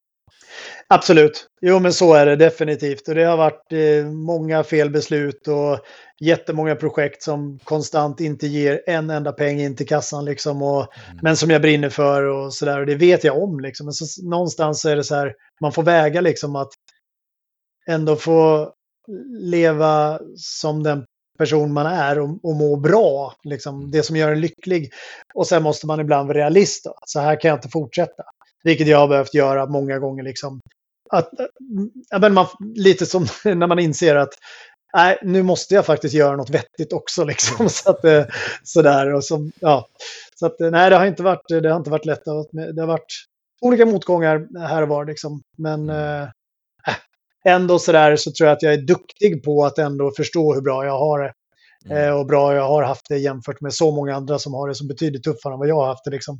Mm. Så att um, jag kommer aldrig tro att jag är något om jag säger så. Eh, alltid ödmjuk och liksom inför vad andra har varit med om. Och så. så att... ja, men det, det, är så, för jag tror att vi alla känner igen oss att någon gång har man ju velat vara någonting. Mm. Och att försöka vara någonting, jag tror de flesta har nog också fått känna på den käftsmällen, vad som händer när man försöker vara någonting. Exakt. Verkligen. Och sen, eller bara att sträva hela tiden, att bara sträva, sträva, sträva och det aldrig händer. Mm. Det tycker jag jag ser väldigt ofta också. Och det blir nästan som att folk går in i en så här fantasivärld där de till slut bara, men jag låtsas väl att jag är den då. Och sen bara, men det här mår du ju inte bra av liksom. Du, du bara sliter ju hela tiden ut dig själv och så, så påminns du varje sekund om att du har misslyckats. Mm. Så att ibland är det bra att vara realist också. Det är inte att släppa drömmar utan för eget välmående. Liksom. Det är en fin balans, allt är inte svartvitt. Det är väl det som är min grundfilosofi verkligen. Det... Och härnäst för dig, jag vet att mm. det är en dokumentär du jobbar på. Eh, liksom, eh, mm. Och vad, vad, står på agendan för dig nu? Nej, men det, just nu har det ägnar, den där dokumentären en, äh, ägnar jag jättestor tid åt. I stort sett hela tiden. Jag gjorde det innan vi började spela in och jag kommer fortsätta efteråt. och det kommer, vi har premiär den 28 oktober nu. Och det, är, det är ett lopp som, uh, som Thomas Gottlind, som ju faktiskt vann uh, Elitstyrkans hemligheter nu 2023 blir det va? Ja, senaste säsongen. Ja. Senaste säsongen, ja precis. Så han anordnade ett lopp som heter Tvetaberg Ultramaraton som går ut på att man ska springa i 50 timmar. Eh, så då ringde han och kollade men har inte du lust att dokumentera det då? Ja, men det är klart jag har. Så, så stack jag dit och så filmade jag och en kollega som heter Erik Svensson eh, det. Och så nu sitter jag och försöker klippa ihop 50 timmars lopp till någon form av vettighet och du vet, det, tog, det blev fem timmar först och sen insåg jag att det är alldeles för långt. sen har jag fått ihop det till 90 minuter är det nu och jag tänker att det, det går inte kortare. Så att, eh, jag håller på att jobba på det. Um, så premiär nu snart. Um, Var kan man se den? Det, jag jag är, har nästan bestämt mig att den kommer ligga på min YouTube-kanal. Jag har en YouTube-kanal som heter Löparlycka. Mm. Eh, så där kommer det ligga. Men eventuellt så drar jag ut den via Patreon också. Det är ju det här jag pratar om. Man får ju aldrig någonting för sina projekt. Ibland är det så. Så då har jag tänkt så här att eventuellt dra ut den där. Till då, för det är inom ultravärlden och löparvärlden. Jag tycker det är väldigt fina människor som går in och, och bidrar ekonomiskt ibland när man har gjort grejer. Man säger vill ni swisha så gör det liksom. Och då tänker jag eventuellt lägga det bakom en Patreon. Eh, så, så, att eh, man vill betala för den i förtid och titta på den innan premiären. Liksom. Mm. Du, du, har inte tänkt något så här, kanske att om Patreon så kanske man får en uh, extended version om loppet eller? Det skulle jag ha tänkt på innan jag kortade ner den. nej, jag bara, jag bara så här lite. ja, nej, men det är as, alltså det är, faktum är att det låter ju helt ointelligent nästan, men jag har inte ens tänkt i de banorna än. Uh, jättekonstigt. Jag har bara så här, hur, vad ska den färdiga produkten vara? Och så folk som har sett tycker att det är bra och de säger att du borde sälja det till SVT liksom. Eh, eller Netflix eller, men säga, jag vet inte. På ett sätt känner jag att jag har min YouTube-kanal då där jag verkligen vill liksom lyfta fram du vet, jag vill gå bort ifrån det här klassiskt träningsmedia som vi har pratat om innan med blod, svett och tårar. Liksom när det är löpning, vilka är det vi kollar på? Det är typ eh, eh, Anders Alkaj som ger sina tips. Liksom. Inget ont om Anders Alkaj, tvärtom. Men det är just en så otroligt duktig löpare liksom, som ska mm. ge då hans proffstips. Och sen så Mustafa Mohammed, liksom. Mm. Vem, vem, lever som honom? Liksom? Alltså, vem kan jämföra sig med honom? Så att, jag tycker det blir så fel fokus. Att jag vill ju liksom skapa då intervjuer med folk som, ja men du vet, grannen Elisabeth som har sprungit sina två första kilometer och som har fortsatt och blivit kär i löpningen eller rörelse eller vad det nu än är. Det är det jag vill visa hur vanliga människor kan träna normalt och faktiskt få det gjort. Um, och hitta en annan vinkel till det. Så det, det, är lite, det är lite det jag vill och därför tänker jag att den här dokumentären har jag hela tiden tänkt som att den ska få lansera min YouTube-kanal. Mm. Eh, så när jag lägger upp den, och det är därför jag inte vill ta bort den, utan den ska få vara där, tänker jag. Så jag, jag, jag tänker att det ska bli ett litet startskott även om jag har haft min kanal ett tag. Men jag har liksom inte riktigt, jag har inte marknadsfört den, ingenting. Utan det ska få göras nu med hjälp av eh, Tvetaberg Ultramaraton-dokumentären, tänker jag. Mm. Så. Så För, för bli... att, just varför jag frågar just så här extended version, det är för att jag gillar också att kolla på till exempel när David Goggins, han är ju då extrem när han springer liksom alla sina ultramaratons, men sen har vi Mm. Chad Wright, liksom, där man får följa med, liksom, vad äter de, vad säger Ja. de till varandra, alltså förstår du det här, Mm. inte Mm. bara säga att ah, let's go, let's do this, Nej, nej. Liksom, utan bara så här, vad händer med kroppen, med, med hjärnan, liksom, för det är någonting som händer och det är det som är så fruktansvärt Det är, jätte, intressant. det är jättehäftigt. Det är jättehäftigt. Och det, vi har ju liksom personer som kraschar i loppet. Mm. Eh, där jag går in, du vet, med jättefin musik och försöker att skapa den här känslan och du vet en som inte vill ge upp inför Thomas och börjar gråta liksom av ångest för att ge upp eh, inför Thomas. Han vill inte göra honom besviken och Thomas svarar liksom med vad han anser om det hela och deras band om hur det här tysta överenskommelsen om att om att göra, även om man vet att det är färdigt, finns ingen energi, finns ingenting, den är färdig personen. Så ska liksom han som loppskapare inte ge upp utan försöka få ut den här personen igen. Mm. Eh, ett tyst överenskommelse som är väldigt, väldigt fin och man ser också hur djupt det går känslomässigt där mellan bandet mellan dem. Eh, det är det vi ska komma fram, precis som du säger, istället för bara det här Wow! Schysst utsikt nu, nu går det bra liksom. Det, det är ju löpningen, det är en del av löpningen. Men Mm. det här andra, just i Ultra så kommer det ju fram så mycket andra häftiga mentala eh, aspekter som, som jag tycker är fascinerande. Och det är just det här att man blir så avklädd. När man har sprungit långt så vet man, man, man är helt tom, man är ingenting, man är bara en liten lort. Liksom. Eh, Du är så ocool du kan bli liksom. Och, och ledsen och liten. Det, det är lite det jag, det är därför jag säger så här när man pratar med människor och hjälper klienter och så där också att ja men jag vet, jag vet vad jag går för och det är lite grann, Mm. jag vet hur mycket jag kan ta ut mig och, då blir jag så här bara You don't know shit about yourself. You don't know shit. Ju- Just bara den här, även om jag har gjort flera sådana här stora utmaningar där man verkligen har fått brytas ner så är det alltid något nytt man lär känna i sig Mm. själv. Man lär ju känna sig själv på nytt efter Ja. varje de här extremgrejerna. Sen Ja. sitter inte jag och förespråkar att alla ska springa 10 mil för att lära känna er själva. Nej. Nej. Men det händer grejer. Ja. ja, men det gör ju det. Definitivt. Eh, och som sagt, Ultra är... Alltså gränsen är olika för oss alla. Eh, och just att kliva över sin gräns, det, alltså det är sjukt nyttigt. Jag vet inte vem som säger det, men eh, jo, jag tror det är Tobbe Gyllebring. Eh, som ju har svenskt rekord i 24 timmars nu senast i år var det väl som han sprang 27,2 mil på 24 timmar. Han sa ju det någonting att Ultra är den bästa lära känna dig själv-kurs som du kan köpa. Det finns inget bättre sätt än att vara med dig själv så länge och gå bortom gränsen så långt och stå där vid avgrunden och undra, är det här avgrunden? Kan jag ta ett steg till? Mm. Liksom, vad, bara se vem man blir då. För då fattar du vem... Jag tror att så jävla många gängmedlemmar hade behövt det. Mm. Och bli så små. Och bara fatta, fatta hur liten du egentligen är. Och vad som faktiskt är viktigt i livet. Och vad som faktiskt betyder någonting. Det skulle många behöva. Ja, men det är just bara den här grejen, du vet, ena kilometern, man säger, man har sprungit åtta mil, det är två mil kvar, ena kilometern, man är hög på livet, det är så jävla lätt, man kommer ta sig i mål, nästa kilometer, man bara gråter och man tänker, älskar min familj mig, du, du förstår? Den där Ja, verkligen. Du, du känner säkert igen dig. Ja, ja, ja, ja, ja. Alltså det, och sen så, så blir det skit och sen efter ett tag så är allting smurf eh, vackert igen liksom. Man bara åh, så här. Ja. Eh, nej, det går, det går upp och ner och det är väl det som är. Jag tror att ett löplopp oavsett, oavsett eh, distans och form egentligen, i alla fall i någon form av distans, så är ju väldigt likt livet på så sätt. Det går verkligen upp och ner om man liksom har olika känslor hela tiden inför olika etapper och aspekter. Och, ja, det går inte att förutse allting heller. Nej. Nej, Plötsligt kraschar det. So call me a bummer.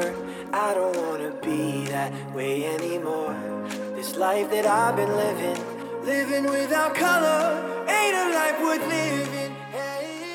Frågan jag ställer alla gäster innan man lägger på våra samtal och det är ju det att om du får ge tips och tricks till oss lyssnare och eh, sätta din prägel lite grann till livet. Vad Mm. säger du då? Vad ska vi ta med oss? att det viktigaste av allt tycker jag är att eh, tänka igenom vad man gör och säger mot andra en extra gång. Därför att så många som går igenom och har gjort och sagt saker och till folk som man sen ångrar, det blir liksom aldrig ogjort. Jag tycker om den här liknelsen med, med det, det fina A4-pappret. Att eh, när du när du säger någonting elakt till någon eller begår en handling som är elak mot någon så knycklar du ihop det där pappret. Så det bara blir en skrynklig liten boll. Och det går att säga förlåt. Och göra andra handlingar som för att gottgöra. Och det rätar ut pappret igen, men de där skrynklorna kommer alltid, alltid, alltid vara där. Mm. Så att eh, det ska man tänka på, tycker jag. Det finns många grejer man ångrar i livet. Så att, eh, som, man, som man önskar att man på alla sätt skulle gå tillbaka och göra ogjorda, men det, det går liksom inte. Mm. Så det tror jag är mitt främsta tips. Tänk liksom en extra gång varje gång, även när du är arg eller besviken eller vad det är.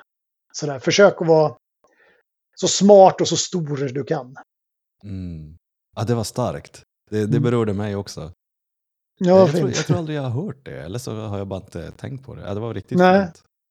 Ja, jag, jag tycker det är en bra symbolisk handling om hur det faktiskt är. Någonstans. Nej, det här avsnittet, jag är så sjukt, sjukt tacksam att du ville göra det. Och det här blev någonting som jag inte ens hade kunnat förvänta mig. Så jag är så grymt tacksam att du vill, tog dig tid och eh, jag är glad att det hände. Ja, men det är 100% ömsesidigt, eh, varenda ord. Tack. Så det har varit jätte, jättetrevligt. Jag kommer gärna tillbaka om jag har något nytt att berätta. Och det känns som att vi hade kunnat prata länge, för just den här, ja. När, när du är sån, sån allätare i, i livet så att säga. Så, eh, Mm.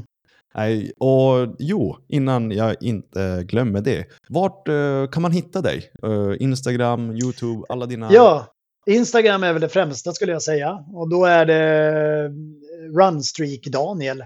I ett ord, bara Runstreak Daniel.